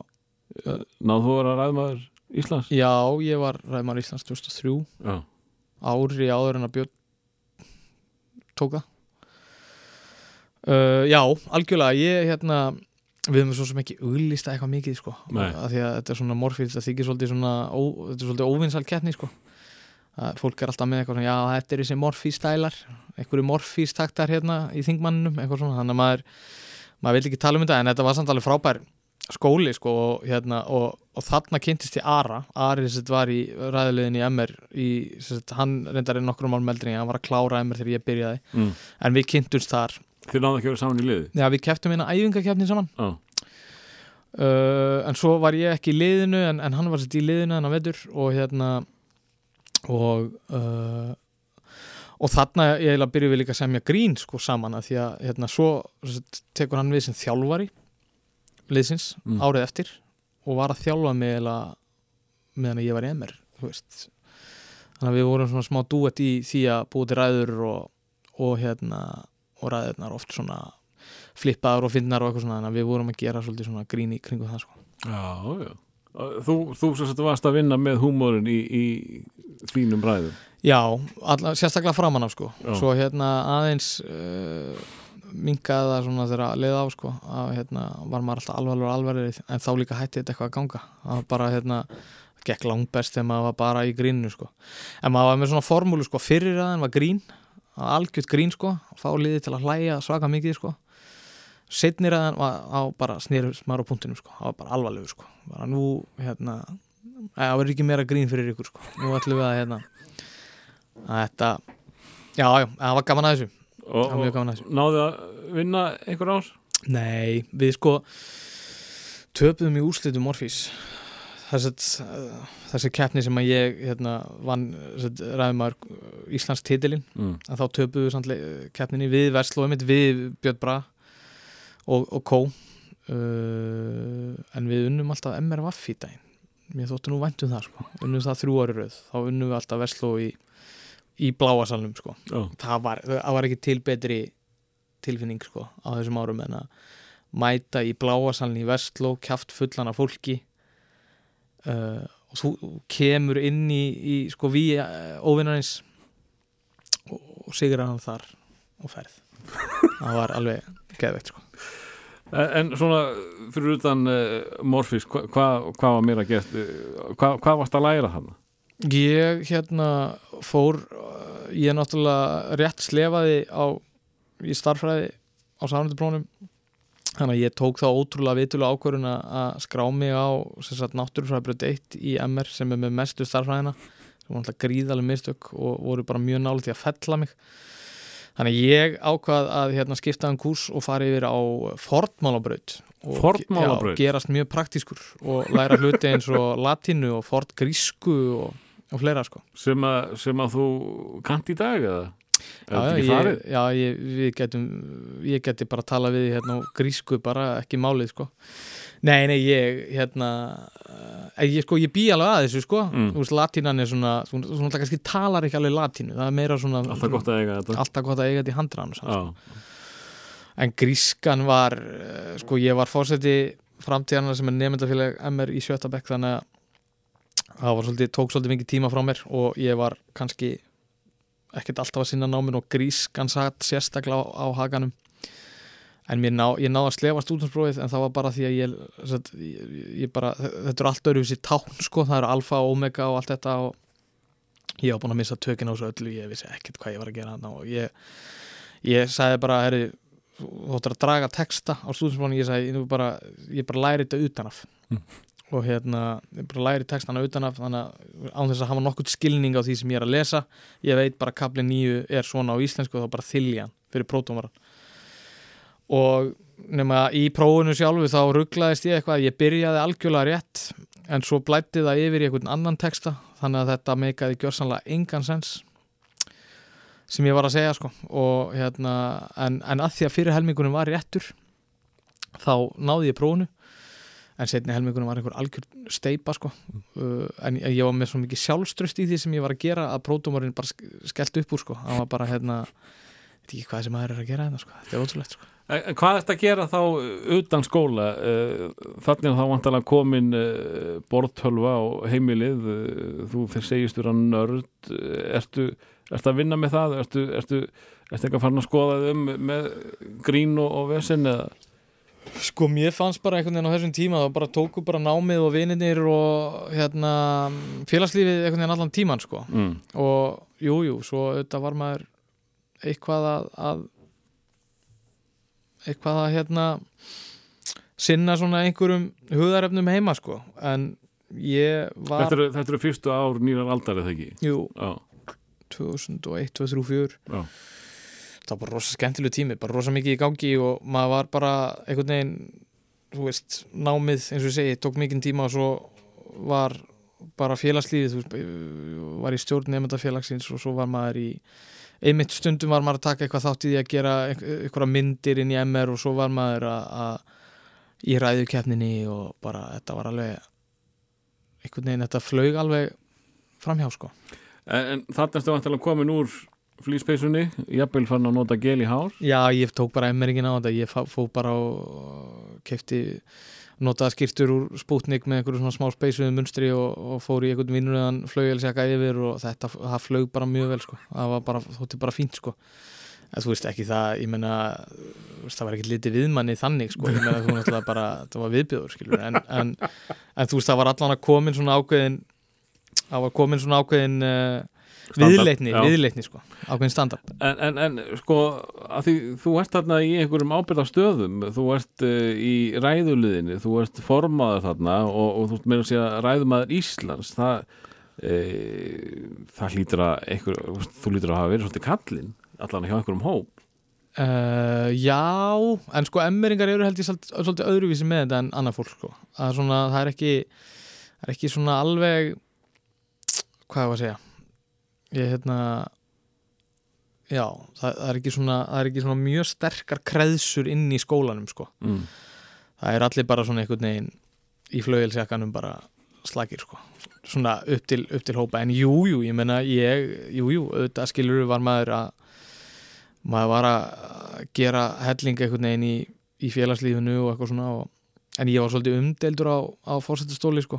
Af hverju? Nei, ég menna þetta gekk allt saman mjög vel en ég, þú veist þetta var basically eitt sem að maður þurfti að gera var að halda ásáttíðin og gera það skamlaust og það gekk svo sem allt bara nokkuð klakklust fyrir sig nema það eru, tvær, það eru tvö nefndafélagi að mér, það er skólafélagið og, og framtíðin.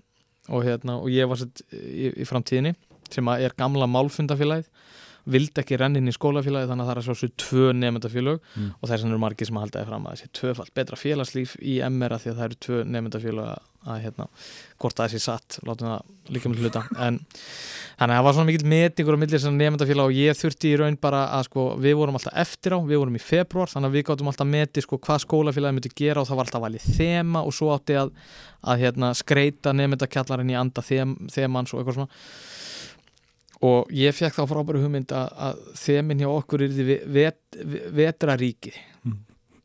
og hérna uh, veturkonungur, vetraríkið eitthvað svona, ég bara, það var eitthvað svona alltaf verið séðin, eitthvað ís og einhverju svona, einhverju svona mótíum nema að þetta var eitthvað kaldast í februar í manna minnum hana þannig að fólk einhvern veginn lappaði úr hrollinum hana mínus átta í februar yfir í vetraríkið í nefndakjallarunum og það var bara margir bara. Það var bara hérna bara hvað er verið að bjóða okkur upp á þetta bara svona eftir á að higgja að maður bara átti að vera með bíla þeim eða, eða eitthvað, eitthvað svona lög dóra þeim sko. eitthvað safe bet sko. En uh, nú ertu að komast á aldur þó, þó sért náttúrulega þú ert alltaf að elta uh, þína samnefnendur uh, einu ára yngri uh, þú ert búin að minnast nokkur, nokkur, nokkur sinnum á, á hérna, kaffibann já, hvenar, hvenar nærða að byrja að fara þangað? fara á þarna á þinn stað? Sko ég er allan á minningu um það að verið á 10 ára ammali kaffibarsins árið 2003 mm.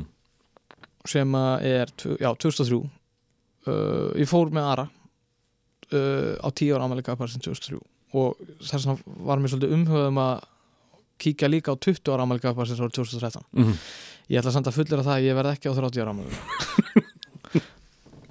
En þú ert áfram hann niður í bæ e, just, e, ég bjó hann einhver tíma í, í hvað ég var að segja, langar að segja ár kannski eða eitthvað svo leiðis þegar ég er orðin fullorðin og það var öllu meiri gleði í mínu lífi heldur en uh, aðra tíma uh, á Já. lífsleiðinni sko. uh, það fylgir oft búsetu í miðbænum var, var ekkert verið að voru ekkert staðinir að hrópa á þig að kíkja til sín og taka þátt í gleðin? Jú, jú, ég meina ég algjörlega sko, ég var nú samt kannski svona meira þegar ég kláraði bara ment og komin í háskólan og svona sko. Mm. uh, þá svona hérna já, þá, þá byrjaði það alveg sko, alveg klálega sko.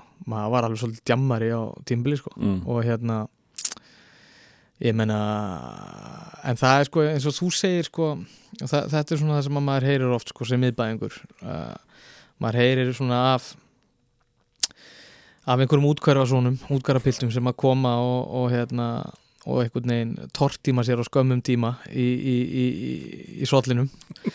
En auðvitað við sem að erum þarna upp alinn Já, og, og þekkjum þarna hvert krók og kima við, við þekkjum líka sko freysningarnar og við þannig að ég myndi nú segja að ég, ég náði nú svona tegja freka vel úr þessu tímabili ef eitthvað er sko. Mm.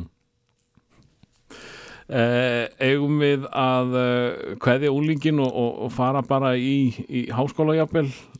Já. eh, með því að uh, spila annar lag. Já, sko, unlingsáralagið ég, hérna, en að því, sko, kannski það besta við það að búa í miðbænum er að komast, þú kemst á alla tónleika og allt ble, ble, ble uh, er eitthvað svona minnistætt sem að þú sást þarna? Eh, tónleikar eða uppistandi eða hvað það er náttúrulega, þú ert með allt lífið þarna fyrir saman þig. Já já, lífið sko. Ég, hérna, þetta var náttúrulega bara 17. júni hérna, viðbjóður einhver og, og eitthvað svona sko. Mm. ég, ég, það var nú ekki verið haldnar sko. Jú, en svo myndi að kom menninganótt byrjaði þarna 95-6 sko, það var rosa stemning kringu það manni, Já, það ekki? Jú og hérna á bara bara eko á miðbakkanum og eitthvað svona brjálæði sko, hrikalega skemmtilegt sko en nei ég, ég er svona man ekkert eftir einhverju svona einhverju einu sérstöku sko, Nei, ekki þannig sko. Nei, nei. Förum þá í, í, í lagið. Já, ég sko við vorum að tala um þetta exið um daginn. Ég var að vona að þú myndi kannski geta fyllt mig eitthvað inn með þetta sko. Mm. að segja að 98 þá byrjaði ég í úlingavinni og það var ríkalega gaman og maður var náttúrulega bara með vasadisko hérna, alltaf bara læst á 977 sko af svona, jú, maður skautaði kannski niður á F- FM9 svona 5 stundum sko. Mm. en það var lag sem að var vinsalasta lagið á X-inu þetta sumar sem að er bara valla til. Þetta er bara lag sem er bara horfið. Þú veist, það er til held ég á YouTube með einhver 11.000 views. Ég var að mynda bara að kíkja á það núna. Og þetta er bara eitthvað sko one hit wonder band nema þetta var ekki einu svona hit þetta lag verið bara að hafa náð vinsaldum á Íslandi og ég veit ekki, veistu hvað lag ég er að fara að tala um það? Þessi saga á við uh, Space Queen. Já, með 10 speed. Ertu að tala um það? Já, það er lagið sem mér langaði að spila. En þess að ég bara, þetta er bara mjög svona sterk minning hérna, 98 alltaf verið að spila þetta lag. Ótrúlega svona hrest og skemmtilegt lag. Þetta Og er ég- rosalega skrítið hvað sko, þetta er hvergi til og hvergi er, ekki, í heiminum. Þetta er ekki Spotify Nei. þetta er ekki Það er ekki svona Wikipedia síða um um, bandið. um þetta band og sko það eru sko 15 komment við YouTube-vídeóið og það er bara eitthvað fólk sem með tárin í augunum bara hérna, "Ah, bara ég er búin að leita þessu lagi í mörg ár eitthvað. Og engin veit hvaðan það lag kemur. Uh, ég held kannski að þú getur eitthvað, eitthvað hérna, því að þú varst nú að vinna Já, ég, krigum exið og svona á þessum tíma. Ég var ekki á Exxon á þessum tíma ég man það nefnilega. Uh, Ég var á Mono 877 já, uh, Ég held hún kom frá Kanada og ég las eina umsögn sko því þegar hérna hún uh, Margaret Erla Mock kom til mín í nýjuna Já. þá var hún með þetta lag. Aha, og við fórum að leita einhverju, fundum ekki neitt nema eh, einhvern rít dóm um held í plötuna þeirra að hún var rosalega tilgerðarleg og þeir hugsuðu alltaf mikið um fötin eða eitthvað já Það er eina sem ég fann á internetinu um þessa mögnuðu sveit. já, við þurfum eiginlega að fá þossa til að skoða þetta eitthvað með okkur hvort að hann Ég held hefði að hann vilji bara ekki vita mikið um þessa sveit. Sko. Nei, ok, Þetta ok, finnst ok. honum ekki flott Eh, Nei, konfekt, ég skil, sko. já, ég bara, þetta er eitthvað að að þetta, þetta kjarnar svolítið, þetta er svona late 90s lífsglaða, hressa smá svona college rock feelingur, Mhm.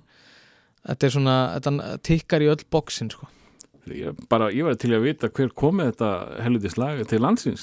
já, það, já, ég er bara allir hafi ekki bara gert það sjálfur og eru bara í einhverju, einhverju, einhverju útrást til Európu og komið með diskin bara og en þetta var vinsasta lag á Íslandi í einhverja vikur sko. Já, já, já. Uh, þetta var vinsasta lagið á Móno þegar ég var þar sko. já, alveg bara glimrandi spenna í Já, kringum þetta, þetta og, svona- og fólk man Íslendinga munar eftir þessu lagi. Já, það, hérna, þetta er jafnvel að þetta getur orðið einhver svona Rodríguez saga sko. Þess vegna? þurfum að fara að fá það og þeir myndu koma fram í Kaplakrika og, og hérna, við heldum að þið væri döðir eitthvað svona.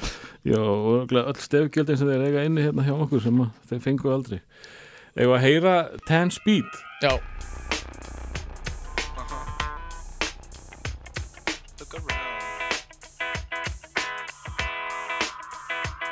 Well, I was stranded one million miles from Earth. The safety device on my ship didn't work. Floating around half dead with no future in the vacuum of space. Getting weaker, along came a ship with a girl that was in it. She looked like a cross between Barbarella and Gidget. She said, Hey man, can I give you a ride? She opened her hatch, I went inside. The tears were rolling down my face. Don't let me take the fall. You might not know it, but you're my space queen. My rocket holds one more soul, and in my search for intelligent life, nothing like you has ever crossed my eyes. She took me back to an earth that was horrid. Anger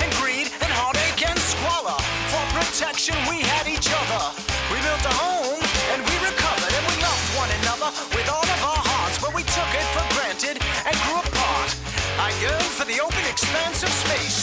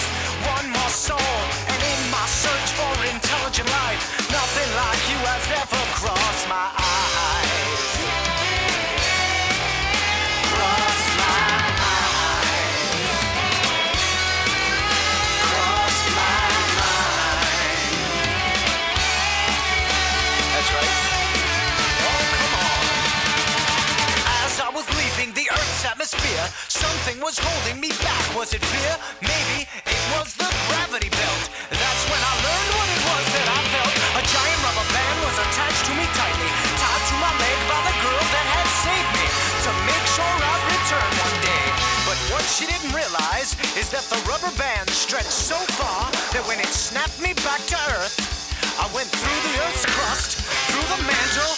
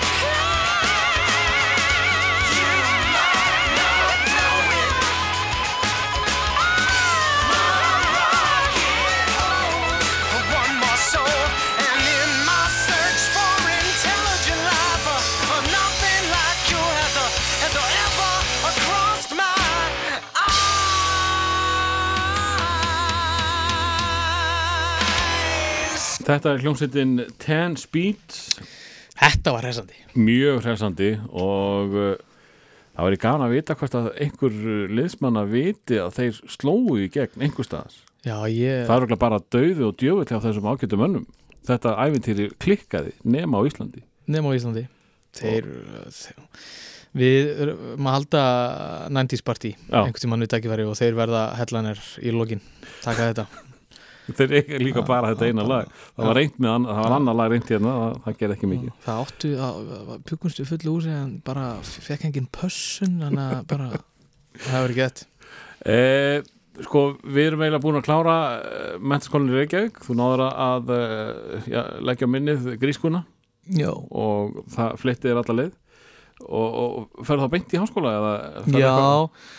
Þetta kom eiginlega í bakið á mér að vera ára undan af því að ég hérna allt í hennu var það eitthvað svona stolt atriði að hérna, já, þú þannig bara að drífa sér beint í háskun, að bara hérna bara fulla ferð. Og varstu með planað hvað, hvað var næsta skref? uh, Sko, já og nei, ég hérna lögfræðin fór eitthvað að tóki í mig á einhverjum tímbúndi í MR, ég veit ekki hvort það tengdist eitthvað ræðu keppnum eða einhverju dótari, en ég allavega það svona, það voru líka bara það var svolítið bara þannig að þú vissir ekki nákvæmlega hvað þú ætlar að gera en vildir svona einhvern veginn halda spilunum að þér sko og þá byrjaður í lögfræði og ég ákvað bara að gera það En er það ekki er ekki mesta fallið þar? Er ekki Jú, erfiðast að síja þar? Jú, það er svolítið strempið sko Já. og hérna uh, að ég svona að ég var orðin ansi latur í mentaskóla hættulega latur, ég var mjög nálægt í að falla bara eiginlega öll árin mín í MR það er eiginlega ótrúlegt að ég hef náða að klára þetta á fjórum árum, en það gekk og og svona alls konar aðri hlutir einhvern veginn að taka tíma frá manni. En ég svona mm, sem sagt á fyrsta árunum í lögfræði þá svona kannski í fyrsta skipti í langa tíma þá settist ég aðeins niður á rassinn og, og las almennilega. Að þú lærðir? Já, ég svona, ég, ég hefði geta staðið mig betur, ég sé Já. alveg eftir því en, en, en, en ég náði sem sagt að komast í gegnum þessa síu í Mm. fyrstu tilraun og er það ekki, er það ekki rosalega uh, mikið klapp á, á baki? Jú, það var náttúrulega önnur svona uh, annað svona ólán í láni því að ég hérna var svolítið hrókafullur eftir það Kvektir það einhverju leitispringju? já, kveikti á aldeilis á leitismengi og hríðfjall gjörsanlega á öllu á öðru ári í lagadild bara ég, já, já, ég, þetta er bara second year syndrom að bara, hérna, já, já, ég er búin að taka almenna hérna, þetta er ekki málið og svo bara og með allt niður með öðru ári. En þá var maður líka mitt eitthvað strax búin að láta draga sig í alls konar hluti, eitthvað svona félagsvafstur og, og hérna dúll hingað og þangað þannig að maður var svona einhvern veginn Varst kom með ekki, fókusinn á aðra hluti varst ekki í hættu að enda sem einhvers konar stjórnmálamaður á, á einhverju tímabili? Jó, Svona, svona svona forsagan er uh, rosalega pólitísk, finnst manni. Já, ég var komin inn í hérna, stúdendapolítík inn í vöku, ég var farin að ég var satt í stjórn heimdallar Já, í, á, á Timbili og stjórn Sus uh, þetta, þetta er enda svolítið fyndin tími, þetta er svona 2004-2009 þá er ég bara eitthvað, mér finnst ég vera bara sko, ég var bara rosa mikið út um allt sko, en kannski bitnaði það á því að fókusin var heldur kannski aldrei 110% á neinu. Maður var bara veist, maður var í háskólanámi maður var að, í þessu félagsmála vafstri öllu veist, svo bara að djamma um helgar og bara, þú veist, það var bara þetta var rosa gaman sko. Mm. og svo slættist maður inn í eitthvað svona uh, svo vildi maður halda miðbæðatöginni sko, vildi líka vera svolítið listrætt sko, það er bara inn á milli þá vildi maður bara gefa skít í uh, lögfræðina á þetta lið sko, það er bara en, en samt einhvern veginn já, þetta var svona fyndin tími sko. Þetta, er, þetta er skrítin pottur sem múst að hræða það ný. Já, rosa skrítin sko. Ég, en bara skemmtilegur að mörgu leiti sko því að ég var einhvern veginn já, þetta var ótrúlega þessi fyrstu ári í háskólanum voru ótrúlega skemmtileg sko Mm. það var hérna, og líka þá einhvern veginn var maður alveg það er ekki það, það náttúrulega fór ítla með mig sko maður var náttúrulega með algjörlega frálsa tímasókn og lögfræðin er svolítið þannig að að veist, það sitja 200 manns í tíma sko og, og þú far glósun að senda sko þannig að það, það var ekkit endilega algjör skilda að sitja alla tíma sko en það gerði ég bara minnst af því sko ef ég Mm. sko. En hva, hvað bjargaði frá pólitík? mm, um, sko Í ég var bíli í það minnst. já í byli, ég menna það, þjóðfélagi fór allt til helvitis að runda allt Er það, er það hrunun að þakka að þú, þú á alþingi í dag? Ég, nei, ég, ég held nú samt að þetta var nú svona að þróast í, í, í þá átt, sko, ég hef samt alltaf sko, ég hef alltaf haft einhvern áhuga á pólitík og svona, og bara svona samfélagsmálum Mm. yfir höfuð og svona bara pæla, pæla í því hvernig samfélagið okkar er reggið og eitthvað svona en ég var nú kannski uh, sko sannfæring mín fyrir því að ég var að fara út í ykkur stjórnmál var orðin frekar lítil sko þegar ég var svona uh, þegar þessi tími minn þar sem ég starfaði heimdallu og vöku sko var að ljúka sko. Og hérna þar var ég kannski bara maður var náttúrulega bara reyndar að fá mjög skemmtilega reynslum og var að finnast, kynnast ótrúlega mikið að skemmtilegu fólki. En ég, þetta er sko reynsla sem ég myndi alls ekki vilja svissa neitt út því að þetta kendi manni rosalega mikið þetta var mjög reynslu uh, mikil tími og, og, hérna, og svo þetta bara að svona, aðeins að vera svolítill innanbúa köttur sko að fylgjast með þessum dramatísku hlutum sko Mm. sem að áttu sér stað þarna 2007-2009 sko Já, varst þú bara, eh, ég segi ekki einstu koppur en varst í búrinu? nei, ég, ég var náttúrulega alls ekkert einhver innstíkoppur í búri langt í frá sko, en maður var náttúrulega bara, þú veist, maður satt í stjórn og, og maður svona bæði sko í aðdraðandanum að sjá svona hvernig hvernig þetta var allt komið á einhvern yfirsnúning sko. Og það var komið rosa mikið svona yfirspenna einhvern veginn í allt bæðis kerfið og stjórnmálakerfið og eitthvað svona. Og svo þegar þetta springur einhvern veginn allt í lott upp og hérna og ég, það síðasta sem ég gerði í sjálfstæðarflokknum var að sitja landsfund sjálfstæðarflokknum 2009 þann fræga landsfund það sem að hérna Davíð Oddsson held sína frægur ræðu og, Fóringin talaði? já, og hérna það voru bara allir einhvern veginn á tauginu þarna, sko. þetta var bara, þetta var, það var ótrúlega skrítin stemningarna sko. Eh, Sko, hvernig leið þér? Eh, Þú, ert, eh, sko, þú veist að þú, hvort þú ætlar að hellaður út í þetta eða vissur að þú ætlar ekki að gera það varst þú á taugin eða varst þú bara hafðu þú bara gaman að þessu að upplifa þetta sko á þessum tíma, eins og ég segi ég hafði enga samfæringu lengur fyrir því að þetta var einhver vekkferð sem ég vildi fara í Mm. lífinu að, sagt, hérna ég, ég hafði gaman að því að taka þátt í einhvers konar stjórnmálastarfi og félagsstarfi, ég fekk mjög mikið úr því en pólitík sem slík var orðin eitthvað svona, þú veist, það var ekki held ég að fara að vera eh, minn vegur, sko, Mm. en hérna en margt svona margt skemmtilegt við þetta svo, já, svo bara hrinur allt og uh, og ég meina, ég, við höfum nú fjallað um það held ég eitthvað við, sko, mið Íslandhópurinn er svolítið bara badkreppunar, sko Já, að uh, Er þetta, er þetta kreppubarnið að reyna að ná sér í pening eða er, er, er, er, eru Nei. viðfangsefnin sem að þeir eru með í, í upphafi eitthvað í tengt þessu eða? Já, það er eiginlega þannig að sko, sko hruni kom í sjálfur sér ekkert eitthvað illa við mig ég var bara 23 ára ekkur bara háskólanemi og villisingur sko Mm. og, og veist en það var samt rosa hérna þetta var rosa svona sjokk og, og einmitt að því að maður svona þekkti marga sem að voru einhvern veginn svona bæði að vinna í böngum eða veist, einhvern veginn inn í pólitíkinni eða eitthvað svona skilur að svona fylgjast með þessu, þessum áhrifum sem þetta hafði sko. þetta hafði svo gífulega áhrif á alla og hérna og við byrjum með fyrsta uppistandi okkar eða reynda Dóra og Bergur með uppistand fyrst í april 2009 Já, sem að er ekkit endilega tengt ykkur. Það er bara þeir tveir. Það er bara þeir tveir og að þeir höfðu bara lengi gengið með þann draum í maðurum að vera með uppstand og voru bara búin að vinna efni. Já, bara þeir tveir sem, sem þá duett Já. Það var ekkit búið að tala um að, að vera jafn fleiri eða eitthvað fleiri ekki á þeim tíma beint sko uh, þannig að það voru bara þeir tveir reyndar alltaf Stendi Junior eitthvað að vera með þeim en heiktist á því. Þannig að það Hann voru er bara þeir tveir. nátengdu Dóra. Já, já, Já. þeir eru bara perluvinir. Og svo já, þannig, að- þannig að þetta er í april 2009 og, og bara strax og, og, bara priki, bara stútfullt af fólki sem að tekur 20 mann þannig að stóðfullt að fólki segir ekki alla söguna endilega. Já, og ég og Ari og ég og Ari höfum verið svona uh, Ari hafði alltaf rosalega litla trú á einhverju svona þessu félagsmála og stjórnmála vastri í mér sko, hann fannst þetta alveg glata sko. Og hérna, Urðuðu vinir upp frá uh, Morfís? Já, frá Morfí sko. Svo vorum við svona að gera þetta við höfum gert einhverja sketsa og við svona eina stuttmynd gerðum við saman og svona og alltaf einhver svona þráður hérna.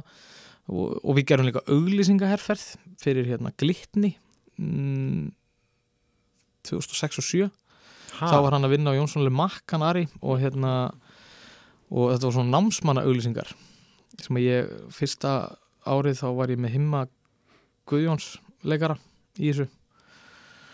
Uh, og þetta voru svona finnar og skemmtilega auglýsingar Já, svona ég meit sko það er rosalega langt síðan maður sá þig fyrst bregða fyrir í, í hinn og þessu sem að maður bara ég, ég sé ekki alveg fyrir mér þessa auðlýsingu en já, ég bara séð margt eitthvað eldgamalt það sem að þú ert. Já, það gæti mitt verið til dæmis eins og þetta þú veist, að, að svona, Varst ekki líka eitthvað ólís jú, svo var ég í Ólís það var þetta setna, það var eftir hópurinn byrjaði.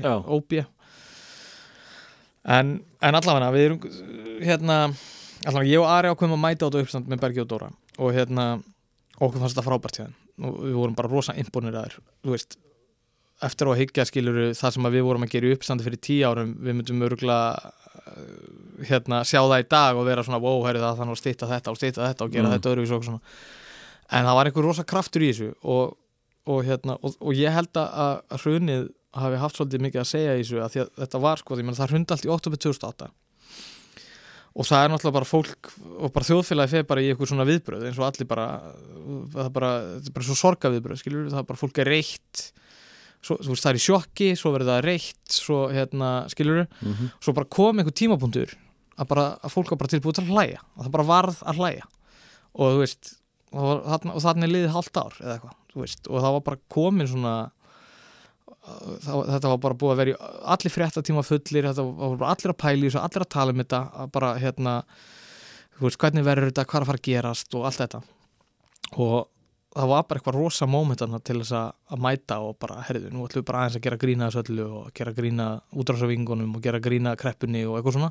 Sáu þið þetta tækifæri eða gerðist þetta bara þegar þið byrjuðu þetta er að, að þetta, þetta er rétta, rétti tími sko, eða veist, voruð þið búin að lesa þetta? Herri, það, Já, það, það er sko- pláss fyrir grín. Já, við byrjuðum samt, sko, veist, hugmyndi var ekkert að byrja eitthvað út af hruninu, Nei. eitthvað svona íslenska þjóðin uh, þar líkn í, í formi gríns en, en, en svona eftir á hyggja þá var samt einhvern veginn aðstæðunar voru þannig Mm. að hérna að fólk var rosa móttækilegt fyrir þessu frá byrjun sko og ég held að það hafi verið svolítið svona þjóðfélags ástandið sem að kallaði svolítið á það sko að því að það var eins og það var sko þannig að, þannig að runnið eiginlega uh, hendi mér úr pólitík og, og, og svo yfir í uppstandi sko.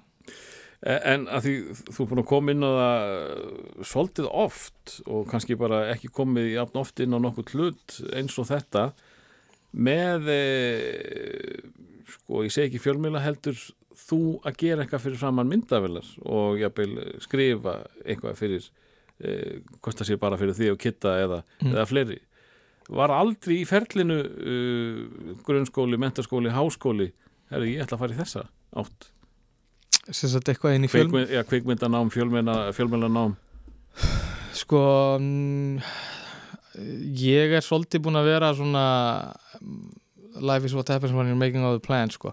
ég var alveg hugsað um alls konar hluti Mm. ætlaði að fara að gera alls konar hluti ég, veist, e- eina skipti sem að ég fór að vinna þannig lagað á fjölmili var, var þegar ég var ráðan sem blaðamár á DFF ég var tvítur eða 21 og hérna og blaðið var lagt niður bara þreymdugum setna þannig að það, það var einhvern veginn þróaðist bara þannig skilur. það er bara hérna, já, erðu, já, við vorum búin að ráða þig.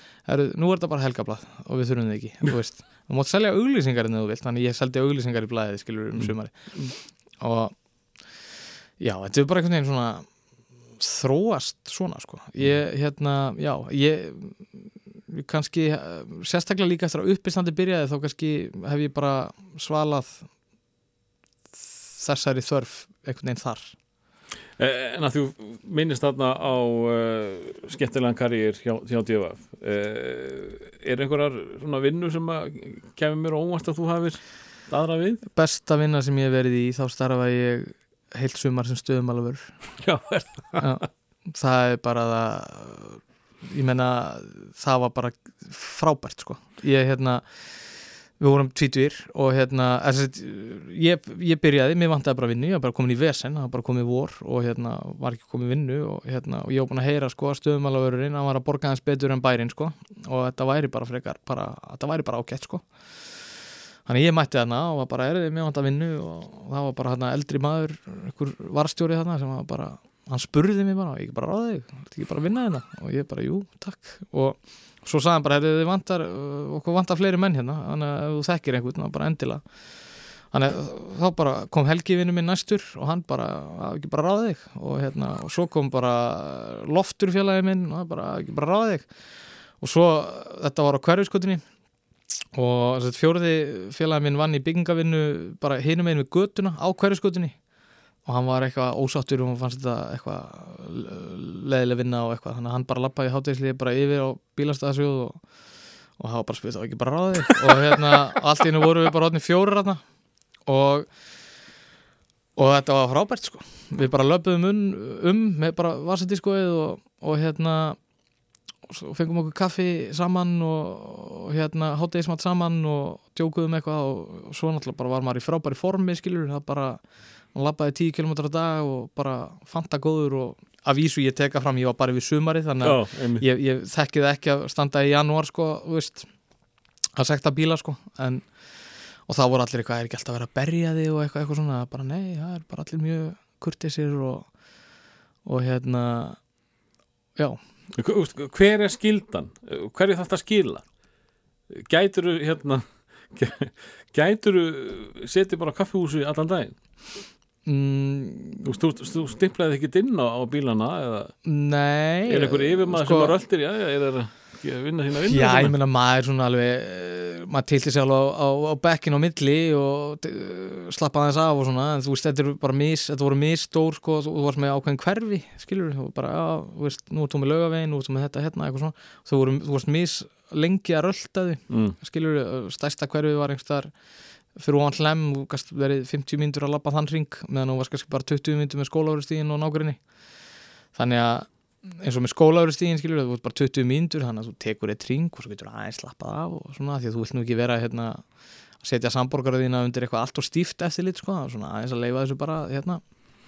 Og þetta var bara flott sko. Og hérna og það var bara og, sko fólk sem er að fá stöðum alveg sagt þetta er eitthvað besta fólk sem ég hef kynst Já, já, að, það hérna ég heyr ekki þessa sögu sko. Já, sko, ok, það eru undantekningar mm. en mér, upp til hópa var þetta bara mjög bara menn að koma með svona alveg svona krumpaðan 500 kall í svona kúlu, má ekki bara borga er þetta núna, eitthvað, er þetta ekki bara að reyna að múta manni jafnvel og, og hérna og allir eitthvað svona það er ótrúlegt hvað fólk er óhefið að því að það var bara hopp inn eða þú veist það skilur, það ætlaði bara að stoppa í eina myndu eða, hérna, eða það var að sækja pening eða, eða það var að, að fá Skipta. að, skipta. Já.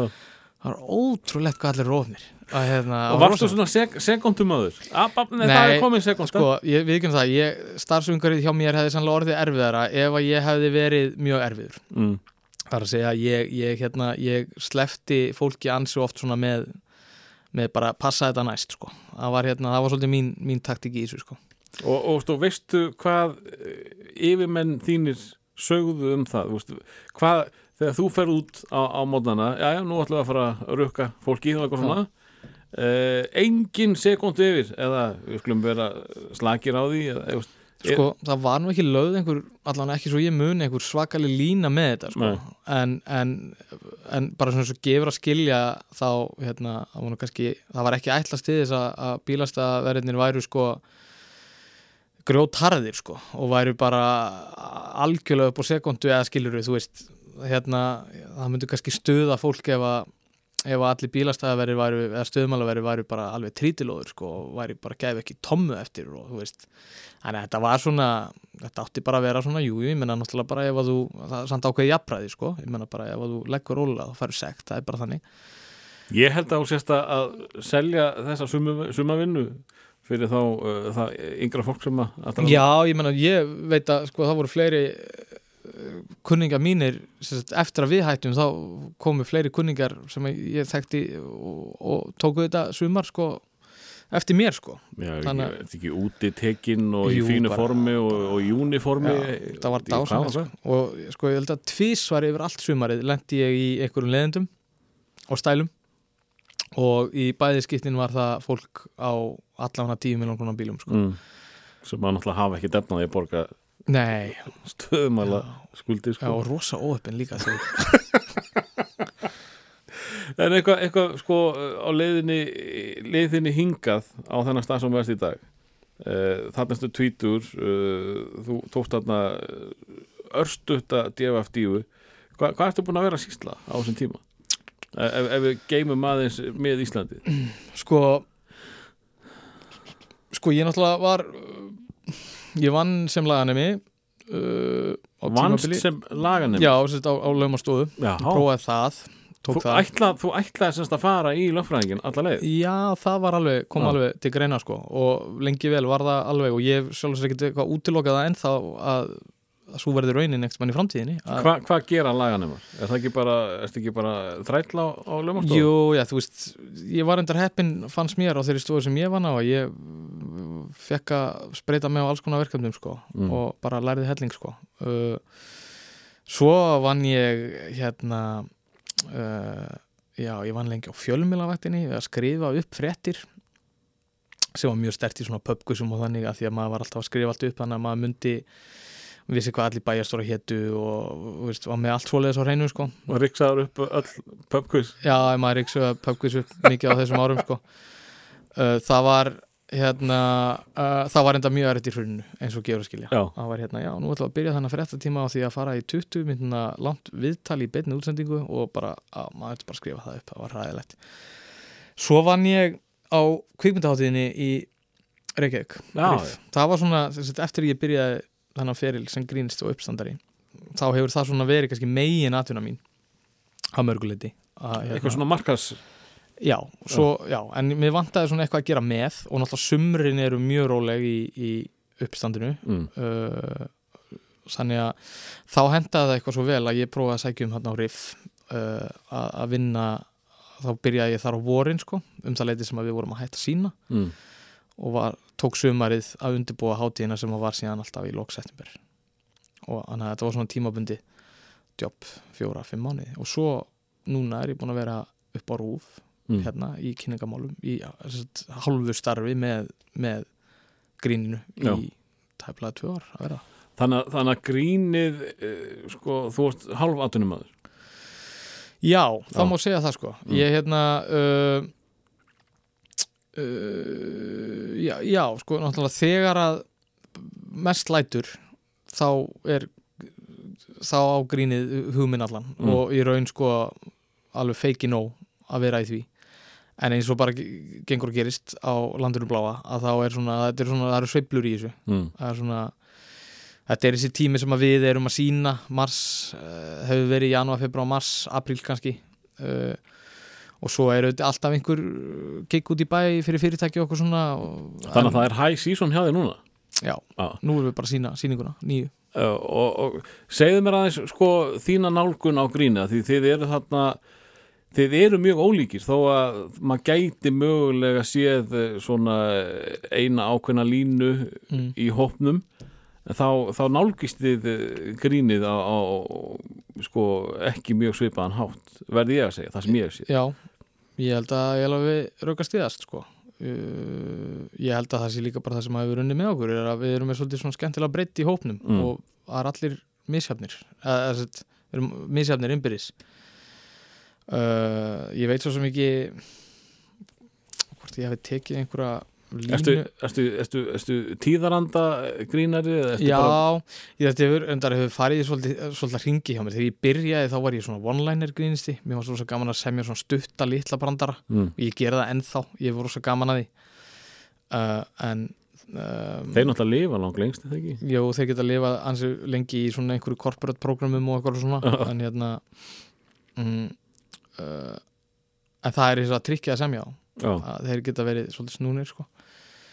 Nei, en já, tímabili var ég mikið að taka eitthvað svona pólitíst efni, pólitíst grín og hérna og einmitt bara svona almennt svona samfélags uh, einhverjar greiningar sem við svo sem erum allir að gera. Já, uh, og, en í seinni tíð hef ég leift mér að verða bara súrari og súrari sko, sem að ég held að sé jafnvel bara þróun sem að verði hjá flestum grínistum. Þegar þeir eru svona konir með smá leið á efninu sinu og vilja bara svolítið fá að segja það sem að þeir vilja sko, að bara hérna að bara vera bara súrir og smá ruglaðir og eitthvað, það er bara mér finnst það voða skemmtilegt í dag sko. og, og, og það gengur upp ennþá er það ekki? Eh, það er alltaf fullt hjá okkur og uppselt og, og þetta, þetta gengur eins og í sögu Já, þetta hefur náttúrulega bara gengið framar vonum sko, bara algjörlega framar, í, þú veist, ef einhver hefði satt við mig hérna, þegar við vorum með kreppibrandarana 2009 sko, að hérna, herru, svo bara eftir tíu ár, þá verður þetta bara ennþá að ganga fyrir fullu húsi, sko, helgi eftir helgi. og nánast bara vinnan ykkar Já, það, þú veist, og það er náttúrulega vinnan, þú veist, það er vinnan okkar Já. að gera þetta og ég meina, og já, ég hefði sannlega ekki, ekki keift það sko, þó ég hafi alveg frá byrjun haft rosa mikla trú á þessu. Mér fannst við vera að gera eitthvað skemmtilegt, eitthvað svolítið uník og eitthvað að viti sko. en þú, er, þú ert eh, er það ekki eh, þú hefur bara frá byrjunni það ekki verið í öðru hlutverki en allir hinnir þú ert uh, kynnerinn með gríni er Já, það ekki? Jú, ég er svona MC þú byrjar með þitt prógram og ertu þá að grína á milli meðan að næsti kemur eða ertu bara með þitt bytt Já, og svo segir bara, já nú er þessi mættur allir í stuði. Já svona uh, undir svona uh, já, svona, svona topp kringustæðnar eru þannig að, MC-in kemur hann tekur svolítið vel að grína í byrjun mm. og svo kynir hann uppistandarana tekur þá kannski stutt á millið þeirra og svo kannski eftir hlið tekur hann aftur lengra já, og svo hérna og já, ég verið í þessu hlutverki. Ég, eh, sko, Bergur hringdi í mig árið 2009 og spurði, viltu kynna uh, við ætlum að búa til gera hóp í kringum þetta og viltu kynna sagt, sýninguna eða, eða uppistandið og ég hérna sagði bara já, já, ég skal gera það. Og þannig að ég var kynnir framan af og svo hérna tók Björn Bræði við með það. Já, við skiptum uh, og hann var kynnir ansi lengi og svo skiptum við eiginlega aftur fyrir alveg meir en 5 eða 6 árum síðan. Uh, Árni sleppið er endalega bara svona rétt þegar þú ert að eða þið eruð að semja. Veist, uh, ég þarf að setja þér í einhverjar uh, stellingar. Eða ertu að pikka inn bara frá síðustu síningu af síðustu hérna uh, ertu þá bara að setja í vasaðin móla allan tíman fram að næstu eða sestu niður, nú þarf ég að fara að semja minn gaur? Uh, nei, Ég uh, geri það þannig að ég punta hjá mér allt árið sko. Mm. en það er nú samt, það þróast yfirlega þannig að þegar maður er að sína eða nýbúin að klára síningu þá virðist lítið gerast sko. Það fer ekkit almennilega stað fyrir en bara þarna um sumarið eða, eða með haustinu. Svona haustið er svona tíminn þar sem við höfum verið hvað mest að semja fyrir nýju sýninguna. Og við höfum verið með tilhjóðan sýningar að prófa efni og svona. Og já, en, en í langan tíma er þetta oft kannski bara punktur í nótskjali í Mm. símanniðinu með eitthvað svona. Mm.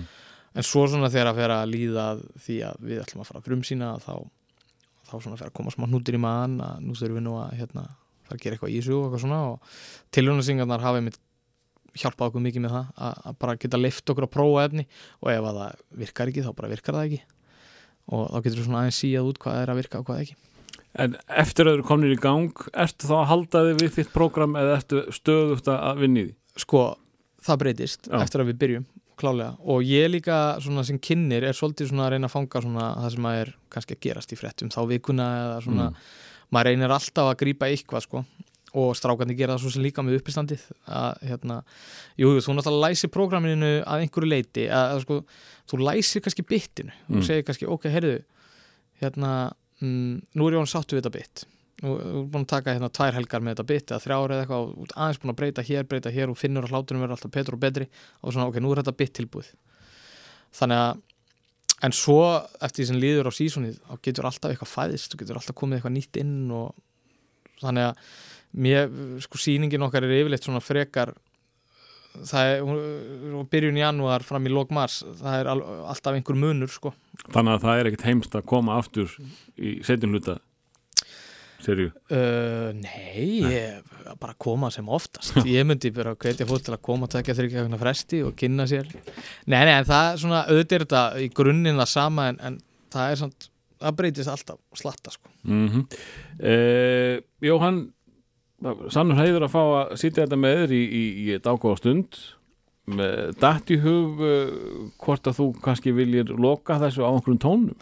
já, sko, Ertu að hlusta á hvað í dag? já, ég bara sko ég er skotin í einu lagi núna Mm. og ég bara sá að það var svona lagi sem ég spila mest í þessu dag á Spotify hjá mér og það er að því að sko það er líka það er sprell í henni sko hún hérna hún Lizzo Já, með Juice þetta er að taka djúsin. já, mér er ekki eitthvað það er eitthvað stemning í því Það er bullandi diskostemmingi já, þessu.